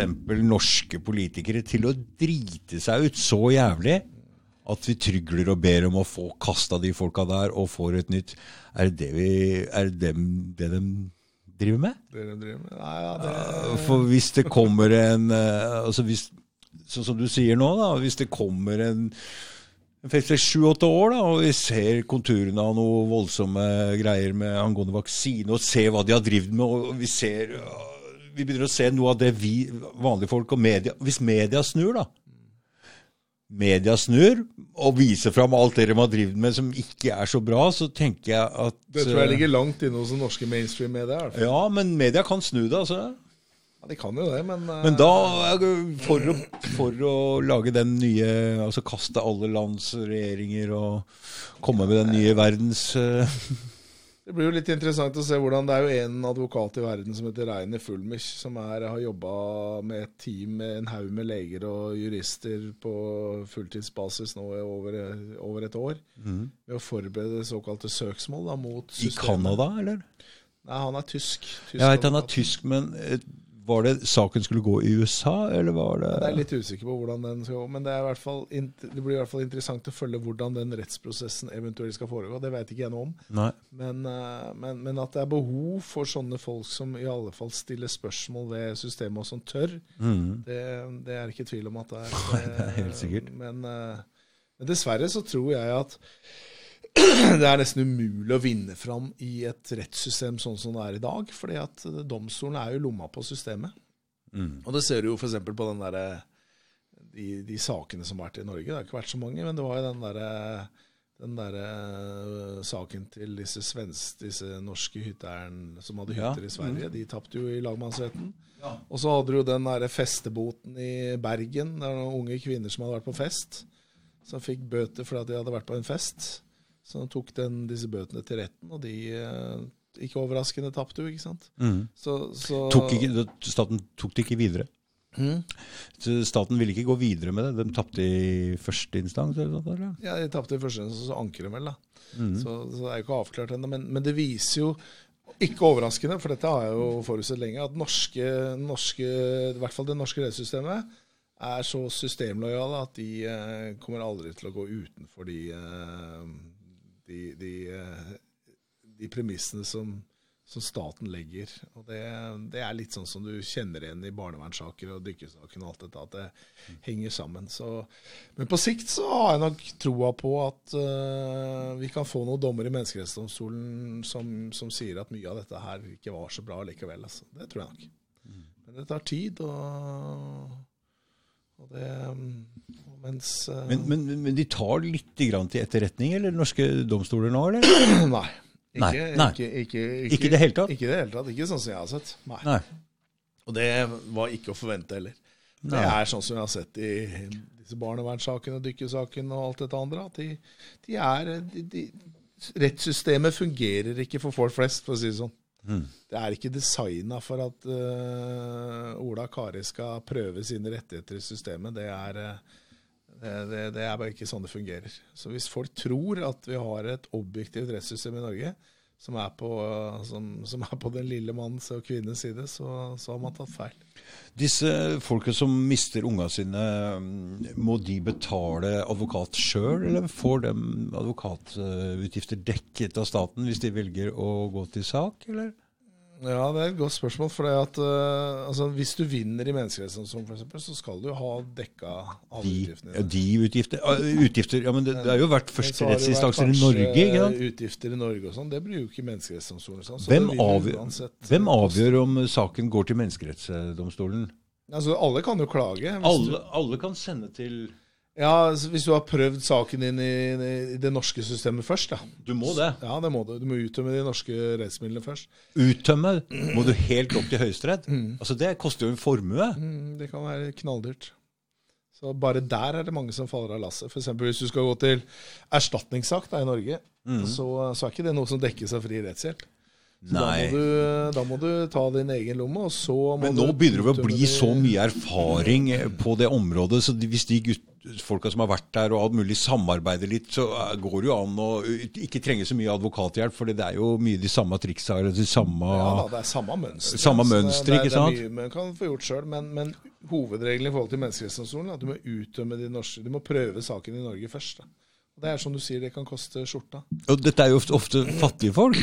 Ja, det er selvsagt. Så, men dette spekulerer jo systemet, ikke sant. Mm. Klassisk når jeg sier til en eh, Når jeg varsler om et søksmål mot en eller annen kommune, så ler jo bare kommunen og sier at fuck off, eh, det driter vi om du truer. For de veit jo innerst inne at det er så stor maktforskjell mellom den private og den offentlige part, at de, eh, de veit jo at med all sannsynlighet så har ikke den private parten muligheter til å forfølge saken. Og, og i tillegg så veit jo den offentlige part at domstolen er på vår side.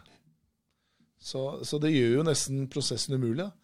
Og så skal du gå til Menneskerettighetsdomstolen, og det tar jo himla mange år. Det systemet der har jo nesten brutt sammen. Ja. Jeg er, eh, det er mange som tror at jeg er en veldig fan av Menneskerettighetsdomstolen. Det er jeg ikke. Jeg syns systemet er fryktelig Det er forelda. Det funker dårlig. Uh, tar altfor lang tid. Men uh, du har ikke noen andre alternativer. Så du kan riktignok prøve FN-komiteen i Genéve, som er litt samme gata, men men hvis du skal ha en dom som Norge på en måte er forplikta til å følge, så er det Menneskerettsdomstolen. Men de, de følger jo ikke det heller. Nei, de følger jo ikke det. Nei, Men de du, du sa noe Den første dommen som Norge ble dømt til der i barnevernet, det var den Lobben-saken, ikke sant? Det var den første store. Det var Storkammerdommen. Den kom i september 2019. Og Det er den dommen som legger premisset for alle de andre dommene.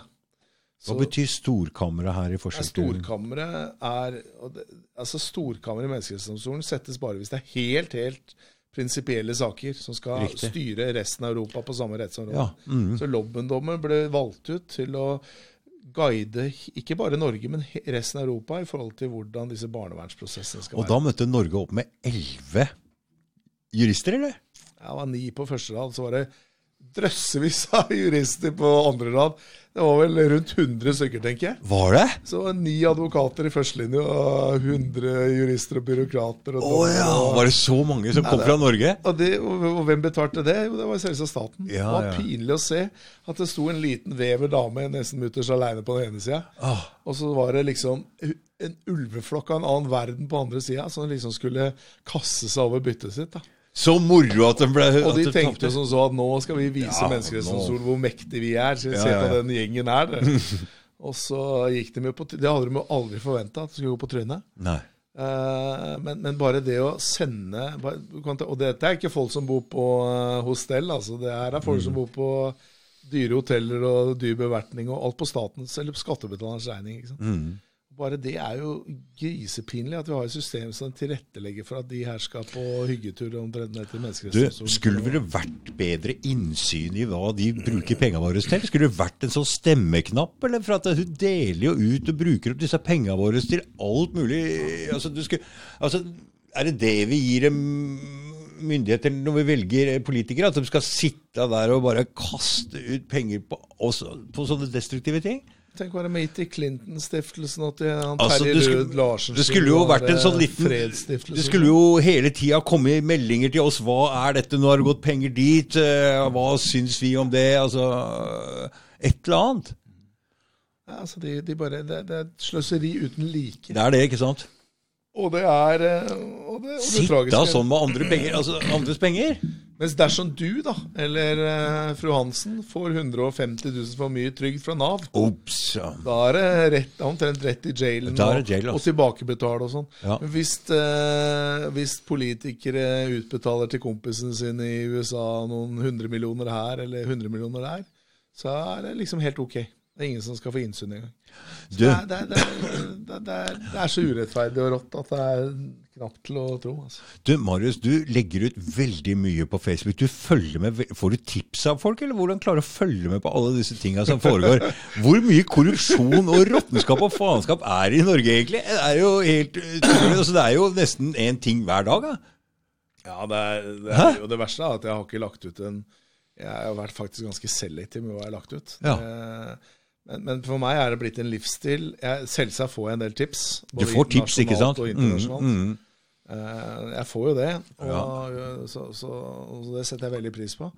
Eh, Men, men for meg er det altså Det er masse Men du må huske på at jeg har gjort veldig mye research de siste 10-11 åra sjøl også. Ja. Og jeg ser jo det at uh, dette systemet her er uh, Jeg mener dessverre, jeg må bare si det rett ut, at det er pill råttent.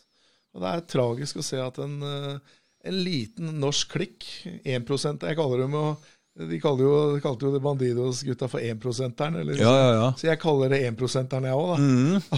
Mm. Men jeg refererer jo til eliten, så jeg kaller det 1-prosenteren.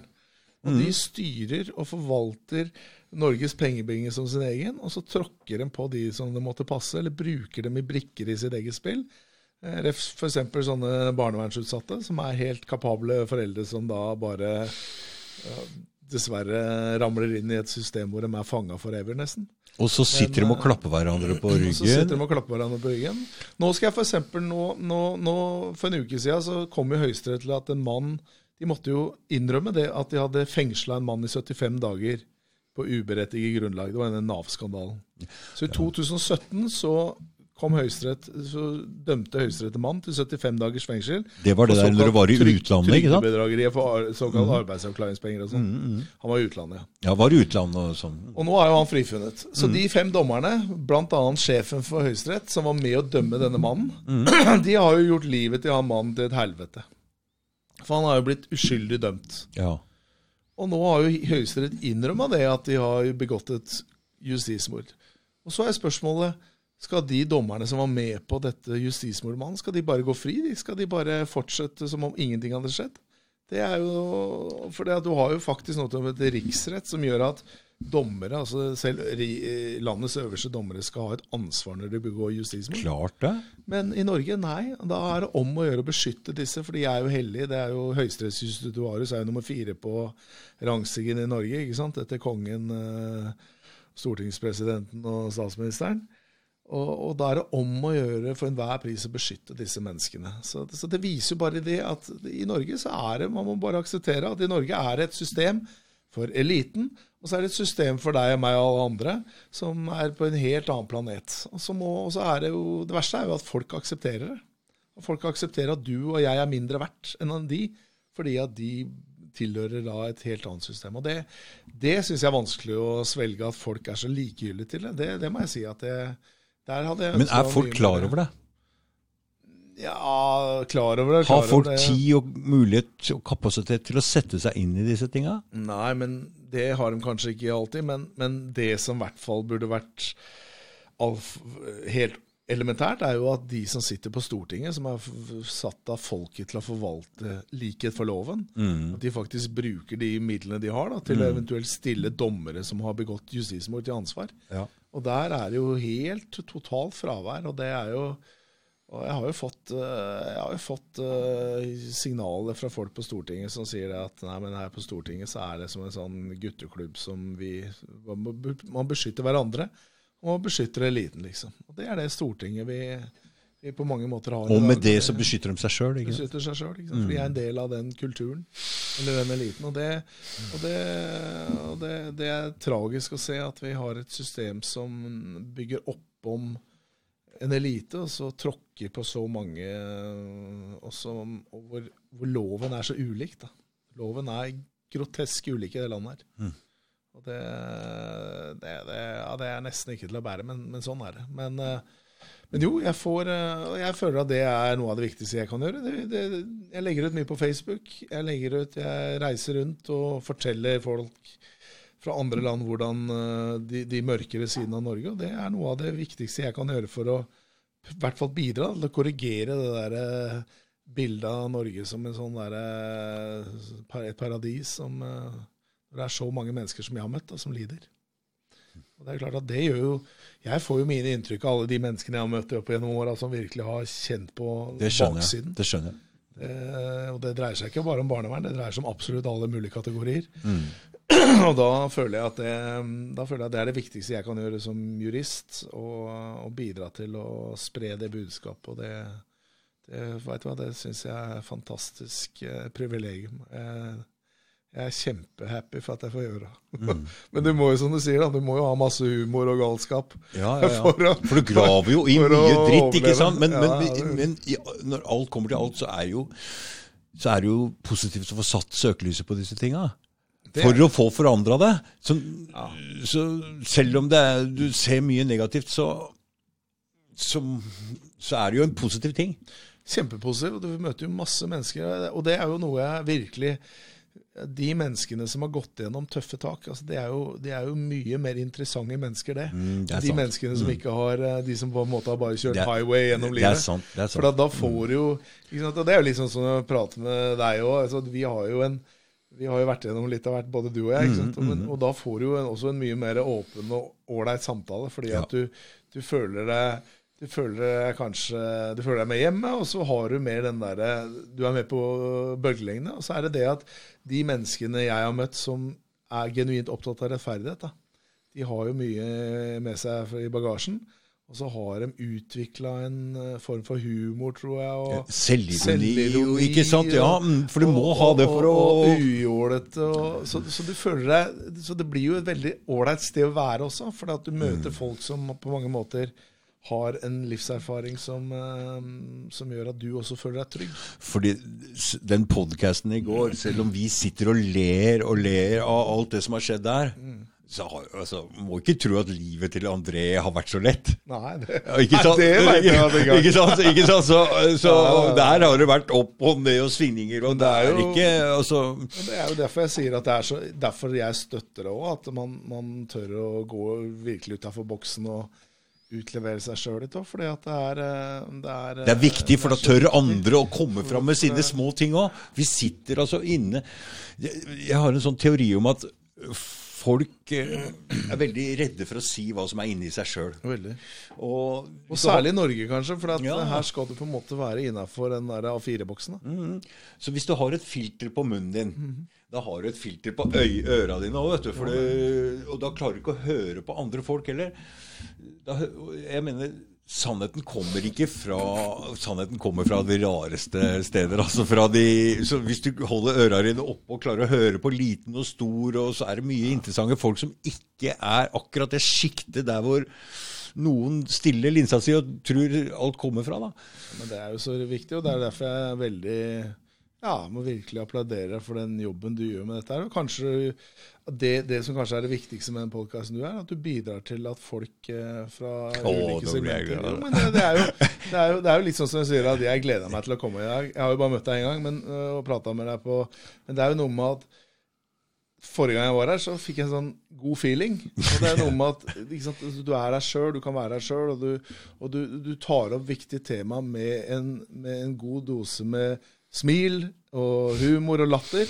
Og, og det er så viktig. For, det er mye viktigere enn det folk, eh, folk er klar over. Eller eh, fordi at skal man på en måte bekjempe urett og, og urettferdighet i Så Så nytter det ikke å være bitter og sur og sint. du kan ikke være bitter og sur og sint, og så må du være, og så må du være åpen og humoristisk og ta Fordi at det meste kan på mange måter fleipes med. Altså, det er jo noe man sier sjelden når du ligger på dødsleiet, at eh, humor må du ha til det siste. Og det tror jeg er noe av Det er noe av det beste medisinen. Og jeg har jo jeg har jo lært fryktelig mye av humor sjøl. Fordi du fortalte en historie oppe, fordi du har vært med på litt av hvert sjøl òg, Marius. Og du lo fælt da du fortalte det.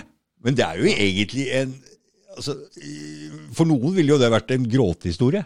Ja, men altså, jeg måtte jo sjøl. Altså, Ja, man må ta disse må- ting med selvironi altså, og humor. Og så tror jeg alltid viktig, og det, det prøver jeg nok å si til de som kontakter meg, at jeg er ikke noe sånn derre hvis du skal komme til meg og sutre, så er nok ikke jeg rette personen. Nei. Nei. Altså, men, men jeg kan være med deg i krigen på et eller annet vis. Hvis, jeg mener at det er, eh, hvis jeg mener at jeg har noe å bidra med, eller hvis jeg føler at jeg brenner for dette, eller sånn, så kan jeg være med deg i krigen. Eh, men, men jeg jobber jo altså, Sånn som jeg jobber, så, så, så vil jeg at den jeg på en måte samarbeider med, da, at det blir et slags sånn teamwork i forhold til å fighte mot uretten. Mm. Og det er ikke nødvendigvis sånn jussen utspeiler seg. altså Det dreier seg om å men, men, men jeg har nok en og jeg har nok en veldig annerledes filosofi enn Jeg har aldri følt meg så hjemme i juristmiljøet. Jeg husker jo jeg var jo, jeg var jo liksom Jeg gikk på én forelesning på jussen, og så var det slutt, liksom. Hva? Gjorde du det? Ja, jeg, for en, jeg tenkte at dette her er ikke noe for meg, for dette er sånn hjernevask, tenkte jeg. Og da var jeg jo bare i begynnelsen av 20-åra. Ja, men du fullførte jo. Hvordan gjorde du uten å gå på Jo da. forelesninger? Jo da, men det gikk fint. Jeg gikk og hørte på rettssaker, og jeg gikk og, oh, ja. og Jeg leste jo pensum og sånn. Ja, Men du gikk ikke på Men jeg gikk ikke, jeg ville finne ut av ting sjøl.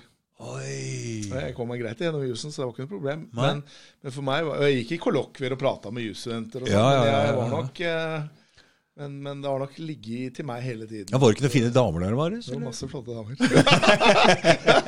det, det var det masse. Det var Ja, også det var det. Altså, det var bra, bra med fest. Ja. Det var vi på. Ja, det var det. Men, eh, men jeg tror, at, tror det er veldig viktig at Jeg sier jo at Litt sånn selvsagt med ironi, men jeg tror at juristmiljøet i Norge er kan, og det, og det må passe seg, for det kan også være en veldig samfunnsskadelig del av den norske befolkning. Og da tenker jeg på at advokater og jurister kan bidra til å eskalere konflikter og til å hause opp. Og eksempelvis er det noe som jeg er fly forbanna på, så er det en del sånne kommuneadvokater som eh, jobber i private selskaper, som bruker disse barnevernssakene til å melke kommunene. altså De tar jo flere tusen kroner timer. ikke sant, for å, og, og de sitter da i disse rettssakene mot disse stakkars familiene og bare prater mest mulig dritt. da. Så Konstruerer mest mulig dritt. Så at det blir et sånt der enormt sånn psykisk press for de som står der, og hører om alt det, hvor bedriten det er og sånn. Og der mener jeg at eh, jurister i Norge må rett og slett, eh, de må rett og slett endre kurs. Så, så, så, så Men tenk deg hvor vanskelig det er for en sånn person som har sittet og gjort det gang på gang på gang på gang, og ta et oppgjør med seg sjøl, da. Ja. Men, men det er jo nødt til. Og det er jo faktisk Menneskerettsdomstolen. Du må, ikke, du må huske på det at når Menneskerettsdomstolen nå dømmer Norge gang etter gang, etter gang så er det også et veldig klart varsko til advokatene i Norge. Særlig de som jobber på den offentlige siden, at de har bomma totalt. Fordi at Skal du være advokat for offentlig Én ting, en ting er at du er advokat for en privatperson. Da har du, skal du ha en subjektiv rolle. Altså, da skal du Hvis du forsvarer en, eh, en, en eller annen eh, i en straffesak, så skal du ha en subjektiv rolle. Det forstår alle. Men hvis du er en advokat for en, offentlig, for en kommune, da, i en barnevernssak eksempel, så har du en plikt Til å være objektiv? Til å være objektiv. Oh, ja. Og det har jo norske advokater fullstendig glemt. Altså. Ja. Det er og, og det er faktisk noe som jeg ikke tror folk er klar over, at Menneskerettighetsdomstolen dømmer også kommunene og, og da advokatene for å ikke ha Å, ja. fulgt med timene. Så oh, det er ikke bare dommerne som eh, går på som er, som er eh, Men dette burde få konsekvenser. Kunne det vært muligheter til å tiltalt noen av disse advokatene? Ja, jeg mener Er det en uh, lovhjemmel som de kunne vært tatt så, Hvis du bare hadde fått tatt én av dem for et eller annet en eller annen gang, ja, jeg mener kunne det vært en spleisesak og fått forandra på noe? Det er en advokat jeg skal ikke navne, men det er en advokat som nå har vært med på å bli domfelt, som har bidratt til å få Norge domfelt i de to siste dommene Norge har fått mot seg. Begge på Vestlandet. Og det er en advokat som har, etter mitt skjønn, unødvendig rasert en haug med familier med sin bedritne argumentasjon. Altså, altså du som, som helt unødvendig har vært med på å knuse familier. Og nå har han fått to dommer mot seg i Menneskerettighetsdomstolen. Kunne, det- har han begått juridisk feil som du kunne tatt den på juridisk? Og det er noe som jeg i hvert fall skal snakke med andre om. Fordi at jeg syns det er så grovt at eh, Ikke bare for de familiene som har vunnet fram i Menneskerettighetsdomstolen, men for så mange andre familier òg. At, at den argumentasjonsrekka han har brukt, den, den er åpenbart eh, Ikke bare er den sterkt krenkende for de det gjelder, men, eh, men den er jo også bevisa nå at den er i strid med menneskerettighetene. Når Menneskerettighetsdomstolen har dømt Norge i, i de to sakene han har vært med i. Så det, så det Går an å titte etter en liten lovgreie der i norsk lov som går an å få tatt den på det? Ja, det er i hvert fall, det hadde, Hvis du hadde fått stoppa én en eller annen gang, så hadde én, Mm. så, kan du, så kan det i hvert fall bidra til å avskrekke andre til å fortsette i samme Ja. Mm.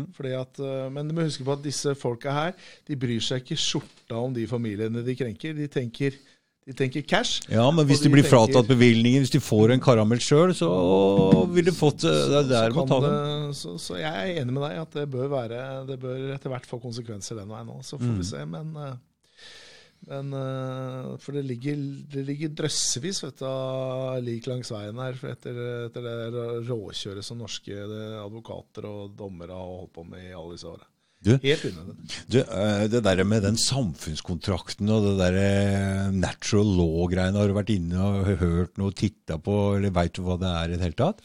Nei, det må jeg ærlig innrømme at det er ikke jeg Det er Nei, ikke mitt nei, nei, nei, eh, felt. Og det, det er mange som snakker om det, men det har ikke jeg noe Jeg har ikke noe peiling på det, rett og slett. Jeg, jeg, Fordi En gang jeg var sammen med en jurist, vet du, så da var vi, da kom han der, og han som kaller seg for Ola Nordmann. Ola nordmann? Ja. Han hadde veist rundt i hele Europa med pappskilter på sykkelen sin og prata om at det ikke trengte førerkort og greier og greier. Men hun syntes det bare var tull. Men etterpå, etter noen år eh, etterpå, så begynte jeg liksom å sette litt. litt grann spørsmål ved den samfunnskontrakten og, og den konformiteten som de egentlig går gjennom når de går gjennom jusstudiet. Ja, men Det er jeg veldig enig i. Og den konformiteten du går inn i jusstudiet, er jo Den mener jeg er veldig samfunnsskadelig. For Mm. den gjør jo at du får veldig ensarta jurister Mm. som tenker i flokk, og som ikke tør å bryte ut. Så, Mm. så der støtter jeg deg. Men, men i forhold til hvordan dette systemet altså hvordan, Nei, men Bare begynte å se litt, er, se eh, litt annerledes på det, hun også. etter hvert. ja, ja, bare, det, jeg, ser ikke, jeg ser ikke bort fra det. Jeg bare sier at jeg har lite kunnskap Nei, om det. det. Og, um, men, men det er jo noe vi bl.a. i disse World uh, Freedom Alliance-gruppene, Ja. så har det vært tema. Det har vært tema, ja. Det har vært tema, men, uh, men, uh, men der må jeg ærlig innrømme at jeg kommer til kort. altså. Mm, mm. For det er mye å sette seg inn i. Det er mye å sette seg inn i. og Jeg får sette meg inn i menneskerettsjussen. Det er jo Det er klart litt sånn, og det er jo det fine med menneskerettsjuss. og det, det er jo det at det på en måte er vi alltid, det er et korrektiv da, til det etablerte norske systemet. Mm. Så der det er motstrid mellom menneskerettskonvensjonen og norske lover, så går jo menneskerettskonvensjonen foran. Det er jo veldig viktig for folk å være klar over, at man har menneskerettighetene som beskyttelse. Eksempelvis så er det jo veldig mange som tror Vi kan ta dette med rusproblematikken igjen. altså Det er jo veldig mange som tror at eh, dersom norske myndigheter da, har en hjemmel i en lov, så kan de gripe inn i privatlivet ditt eller ta førerkortet ditt. eller eksempel. Det er ikke riktig. For i tillegg til å ha en hjemmel i lov, så må, det også, må dette inngrepet også være forholdsmessig, f.eks. For eksempel. Sånn, ta f.eks. dette med, som jeg syns er ganske interessant nå, at uh, i rusproblematikken at det er veldig mange som er redde for å gå til legen. du, at, du, eh, for dette er, dette er men, men, dette har litt med legaliseringen som skjer i USA også, Mm, fordi cannabis f.eks., bare for å ta det, da. Det henger jo i, i urinprøver og opptil fire-fem uker, ikke sant? Mm. Og så hvordan skal de, Hvis du blir tatt, da, og så har du liksom cannabis altså For det går jo ikke ut. Altså, da skal du liksom bli tatt, for Det var en sånn liten sak med en fyr som ble tatt fra førerkortet med noe cannabisgreier Ja, og noe greier. ikke sant? Og du, jeg skal si en ting. De tok eh, til det havsmiljøet før. De lugga inn førerkortet til alle mann. Og veit hva de brukte som lokkemiddel? Hypp på førerkort, eller? Hypp på førerkort, eller? Så liksom eh, Har du noe å komme med? Det Ja, det men, det, men det er et klassisk eksempel hvor Norge igjen bryter, har brutt menneskerettighetene en årrekke. Hvor man på en måte da bare tar førerkortet uten at vedkommende har gjort seg skyldig i noe Ja. grunn av såkalt forut, altså at man, man forskutterer da Ja, framtiden. Blir tatt ned på houseparty, og så Nei, nei kan ikke ha førerkort. Nei, og det, det er klart at det er Men der har du igjen dette med at norske myndigheter ikke har- forstår rekkevidden av menneskerettighetene. For man, man bare lager en hjemmel, altså en lovhjemmel, og så sier man at her er lovhjemmelen, og så tar man bare førerkort. Uten å vurdere noe forholdsmessighet eller noe. For den rusdebatten var ganske interessant, for det, det var veldig mange, overraskende mange, som var for rusreformen. Det, det overrasker meg veldig. Og min tidligere fotballmedspiller, da, Geir Revanger, som er statsadvokat, han bloppa jo ut med at eh, nei, den kunne de ikke ha, for det da ville bli fratatt av alle muligheter til å ransake mobiltelefonen, gå hjem og ransake hjemme hos folk, og skremme og true og plage folk. Og så gikk Riksadvokaten ut og sa at det har dere aldri hatt lov til. Nei, det Og det satte i gang noe greier som det er mange som vil gå til sak. Og prater om EMD og greier og greier. Men det er rart at ikke forsvarsadvokatene har vært litt på banen med det der før. For at det, jeg mener at selv om det ikke blir noe rusreform nå, så har alt blitt snudd på huet. Bare pga. den klønete uttalelsen til Geir. Takk for Geir, forresten. Hvis du hører på. Nei, men du har rett i det. at Det har jo, det har jo hjulpet, hjulpet fordi at det har jo satt søkelys på nye, nye menneskerettsbrudd som Norge har Ja. begått, uten at Ja. noen egentlig har forfulgt det. Mm. Så bedre seint enn aldri. Men det er klart at det er jo som du sier, at dette her, Nav-skandalen og barnevernsskandalen, dette er jo noe som også advokatene for lenge lenge siden skulle fange opp. Ja. Så det er jo noe med at systemet har eh, Det bare går i det samme hele tida. Ingen tenker Om nytt. ikke hjernevaska, hjernevaska juriststanden, så har det i hvert fall gjort at juriststanden har vært veldig konform og lite sånn mm. utfordrende i forhold til makta. De har bare fulgt med og bare vært en brikke, et spill, som, som har gjort at veldig mange mennesker har lidd urett. Da. Og som ikke har fått rettighetene sine. Og, og det, det er et eh, årelangt prosjekt å rette opp i dette. Vet du. Det er jo For, fordi å miste førerkortet kan få veldig uheldige konsekvenser for veldig mange som arbeider, som jobber. ikke sant? Altså, jeg, jeg er sjøl yrkessjåfør, og jeg veit at mange sånne cannabisbrukere er veldig sånn Altså, hvordan, hvordan skal de gjøre det hvis det blir For nå kan du jo få medisinsk eh, cannabis i Norge òg, hvis du henter i Nederland. Og liksom, hvordan, hvordan skal de gjøre det med grenseverdier? Og, så de må tenke seg om.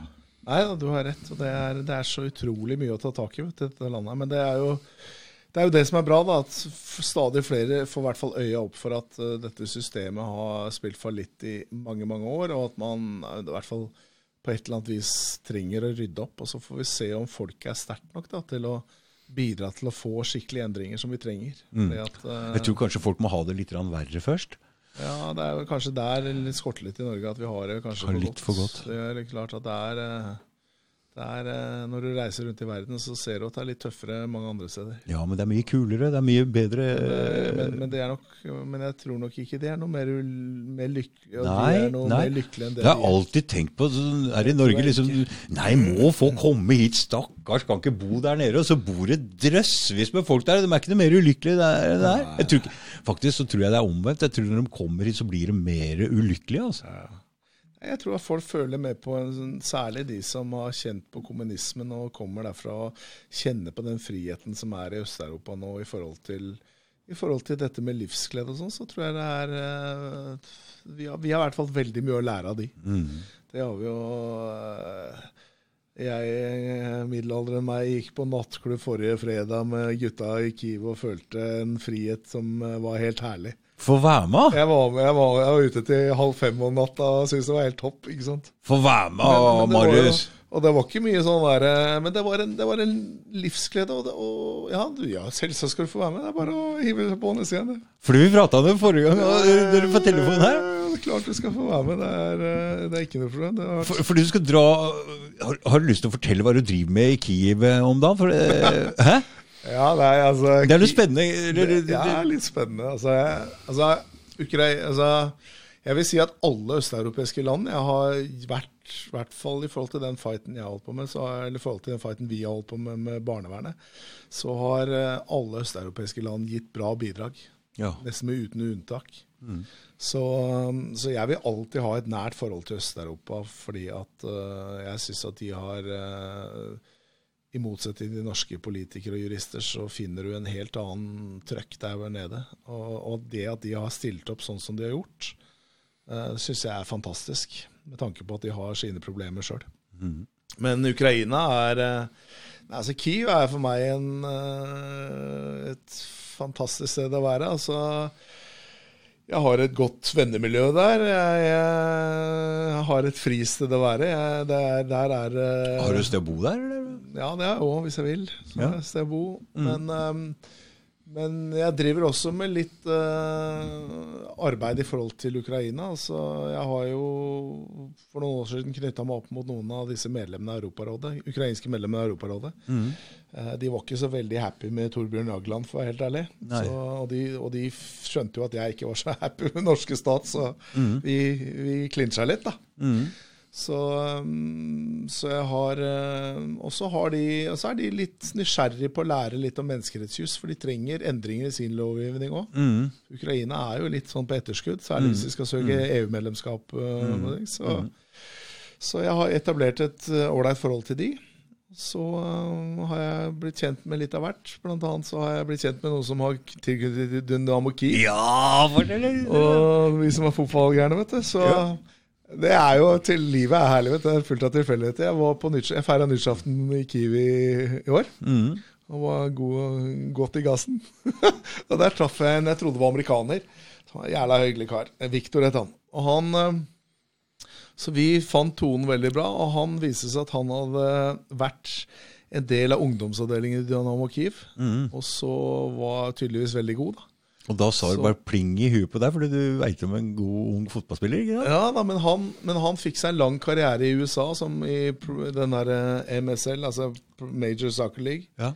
Så han tjente veldig greit der og bodde der lenge. Men nå eh, koronaen kom, så ville han tilbake til Kiev. Han hadde familie og sånn der. Så da møtte jeg han. Og så har jo han eh, svogeren hans igjen, da. Han er sjefsspeider i Dynamo Kiev. Så møtte jeg disse gutta her. Han sjefsspeider i Dynamo Kiev prater ikke noe engelsk, men, men det funka. Så kontakten var bra. Og, og så har jeg en eh, god kompis i Bergen som heter Magne, som er like med deg Edsvoren Leeds-fan. Det er bra, Magne! Som, som, også var, som også var en veldig god fotballspiller. Men han hadde jo havna litt på skråplanet, han òg, med ulike ting. Så, Det er ikke så lett da. så ja, morsomt, da. Han, de skulle kåre tidenes beste spiss i Haugesund. Og så um, Jo, alle var for så vidt enige om at han var kanskje den beste. Men pga. livsstilen så ble det bare tredjeplass. Men uansett, da, så sønnen hans er 17 år, og jeg mener han er et kjempetalent. Og Så nå er håpet, etter å ha lobba litt med Dynamo Kiev, at han får prøvespille i Dynamo Kiev. Som moro. Da reiser vi over nå om eh, da, Det blir ikke lenge til vi reiser over da. og Da får han prøve seg der. I hvert fall gir man en sjanse til å vise seg fram.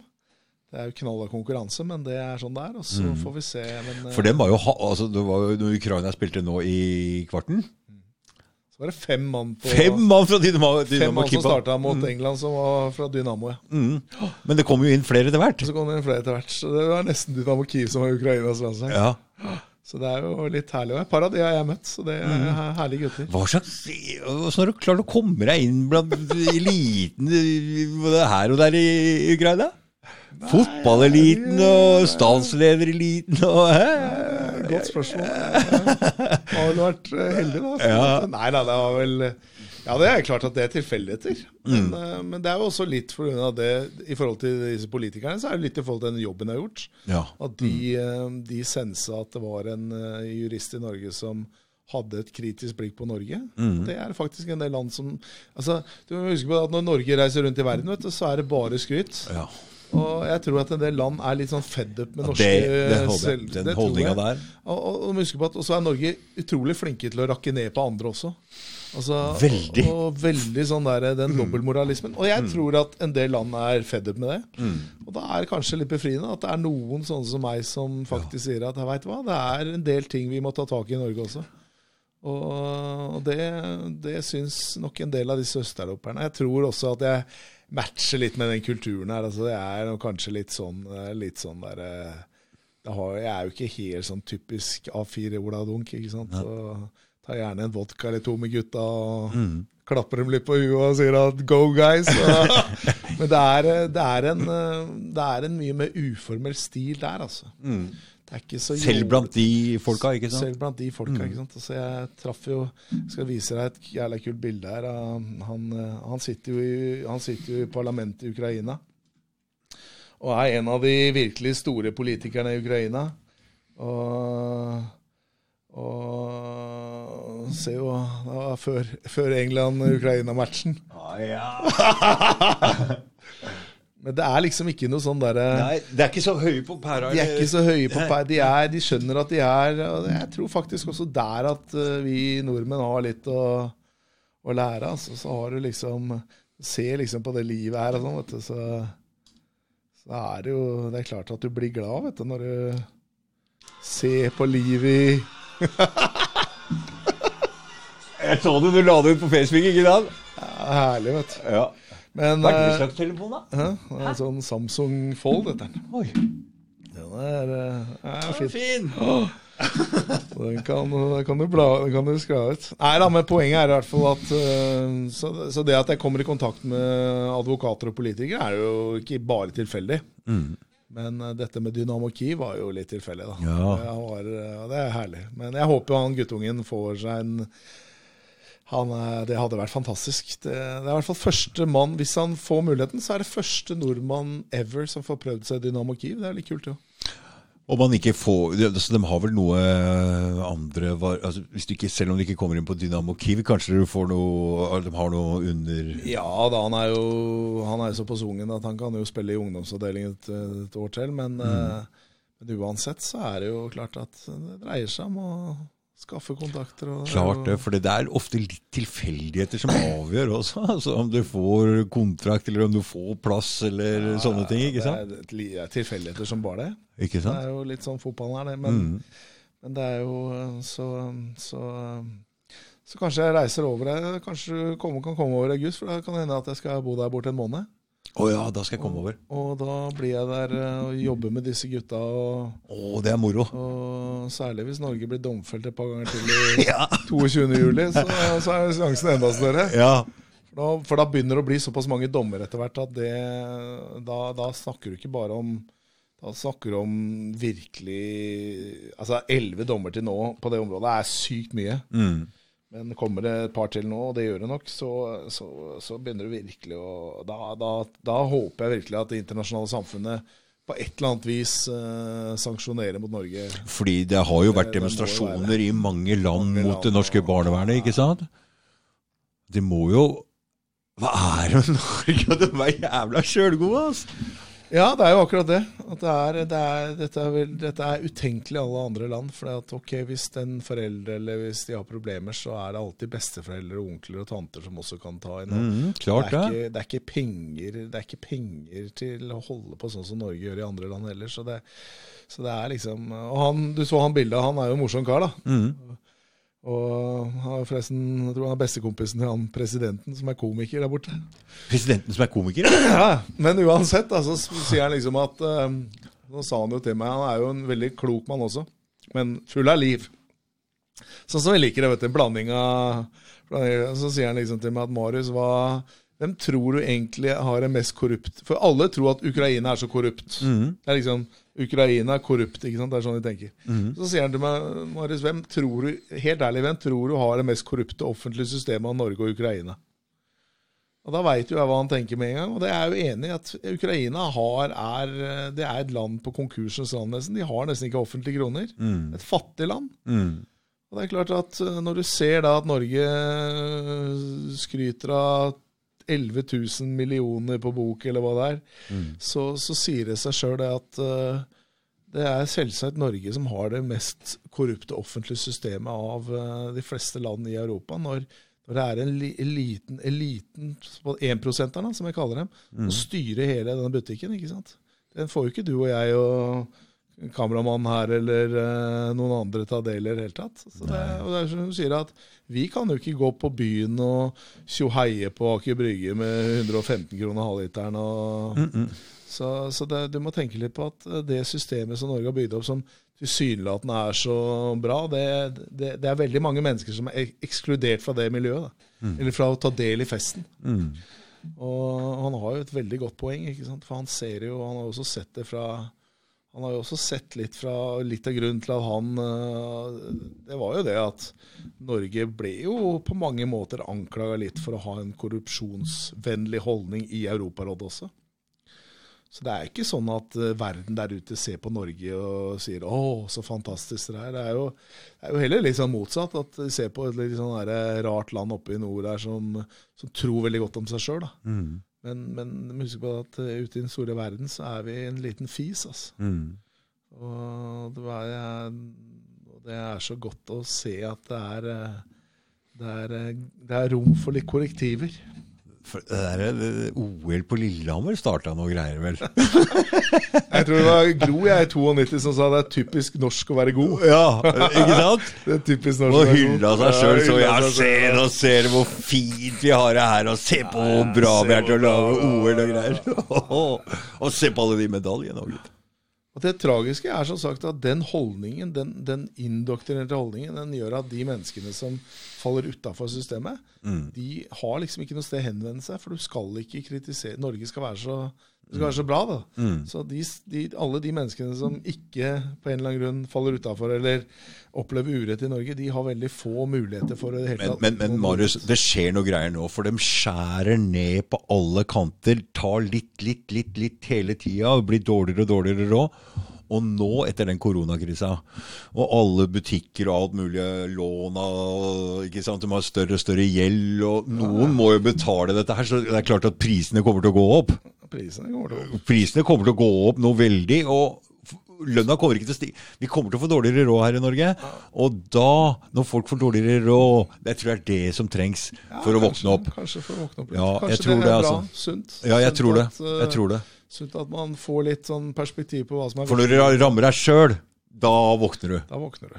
Ikke sant? Da våkner du, Da våkner du, og det er eh, og det trengs. Det trengs. Det, men det er, jeg, jeg er alltid optimist. Jeg, jeg tror at vi er i ferd med å få et eh, skifte. Og jeg håper jo at vi, vi får noen nye kluter på Stortinget som kan gjøre at vi i hvert fall får eh, nye stemmer. da, Som Mm. gjør at vi kan endre på den kulturen og få litt mer Rett og slett få mer livsglede, altså. Mm. Og kanskje åpne opp litt i samfunnet er sånn at folk, eh, folk tør å slippe seg mer løs. Folk eh, får de mulighetene de har, mm, har krav på eller ønsker å forfølge. Og rett og slett, jeg tror eh, Jeg har i hvert fall en veldig enkel livsfilosofi at jeg skal ha det så moro som mulig ja, den tida jeg lever. Mm. Og, og for å gjøre det, så må du gjøre det som også engasjerer seg. Og det, med, Ja. og det å fighte mot urett, særlig mot er fint. Og, og det er gøy. Det er gøy, og det Det er er gøy, og det, det er ikke skummelt lenger heller. Altså, det er mange som spør om hvor du tør dette, for det er jo farlig, og du kødder med Jo, det er klart det, men altså, du kan ikke la det stoppe deg. Du må jo på en måte forfølge, du må følge det du brenner for, da. ja. Men det er klart, du har helt rett. Jeg hadde ikke mobilisert hvis ikke dette hadde ramma meg sjøl. Jeg hadde, nei, en, jeg hadde nok vært en engasjert advokat, det tror jeg nok en Mm, atypisk, men, men det er klart at for meg har det blitt en livsstil. Mm. Og så har den livsstilen gått over i en sånn eh, Så det er jo Men det ser jeg på mange som er her inne på podkast, og liksom det har skjedd noe med dem, og så har det vært en sånn eh, kraft i dem at de står opp. Så det er noe som jeg tror er veldig viktig å prøve å videreformidle. At vi mennesker har vi har faktisk utrolig mye mer Vi er ster mye sterkere enn det vi kanskje tror. Mm. Det gjelder for alle at bare hente ut uh, bare hente ut de 50% ekstraene du trodde du ikke hadde. For da, da kan du få gjort mye. Og det, det tror jeg er en utrolig viktig sånn motivasjonsfaktor. Mm. Så, uh, nei da, nå skal jeg ut på linja og ta meg en liten sjalabais der. du du, hørte, men, du eh, hørte, du hørte tordenværet? Ja, jeg hørte det tordna litt. Regna noe voldsomt òg, men eh, Ja, det- kanskje går over igjen. Kanskje dugnaden er ferdig når du kommer ut. kanskje, kanskje presenning. Nei da, men uansett så er det i hvert fall eh, Så håper jeg at du også fortsetter med dette her og videre, bidrar til å stå på, den, eh, stå på den lille manns side, eller på minoritetens side. er Alltid best. Klart det, er klart. Hvis det er ikke vits å hjelpe til med Det er ikke vits å hjelpe de som har eh, Nei, stå på. nei, Det nei, nei, gir- deg ingenting. De klarer seg så godt allikevel. Du er- trenger ikke si det samme som alle andre sier. Det er ikke vits i. Da hadde ikke jeg giddet å sitte her. Nei, det er noe med det. Så Nei, skal vi slippe deg av gårde, Marius? Ja, nå er det vel snart på tide. Vi skravler jo så mye. Vi kunne sitte her i flere dager. Sikkert. Men, eh, sånn er det. Vi får, eh, vi får ta det senere. Ja. Men eh, alltid hyggelig å være her. Og gleder meg til fortsettelsen. Ja, så får vi jo se. Så får vi håpe, som sagt, eh, 22. juli blir en spennende dag. Da håper jeg Det er litt av en dato. det litt av en dato. Så da håper jeg det kommer noen flere dommer som gjør at uh, vi kan i hvert fall styrke, styrke kampen ytterligere. Og så får vi jo bare gønne på Sørge for å ha litt moro innimellom slaga. Og eh, hjertelig velkommen til Kiel hvis du har lyst til å ta en tur dit. Ja, ja, ja, det skal jeg gjøre. Takk. Ha det.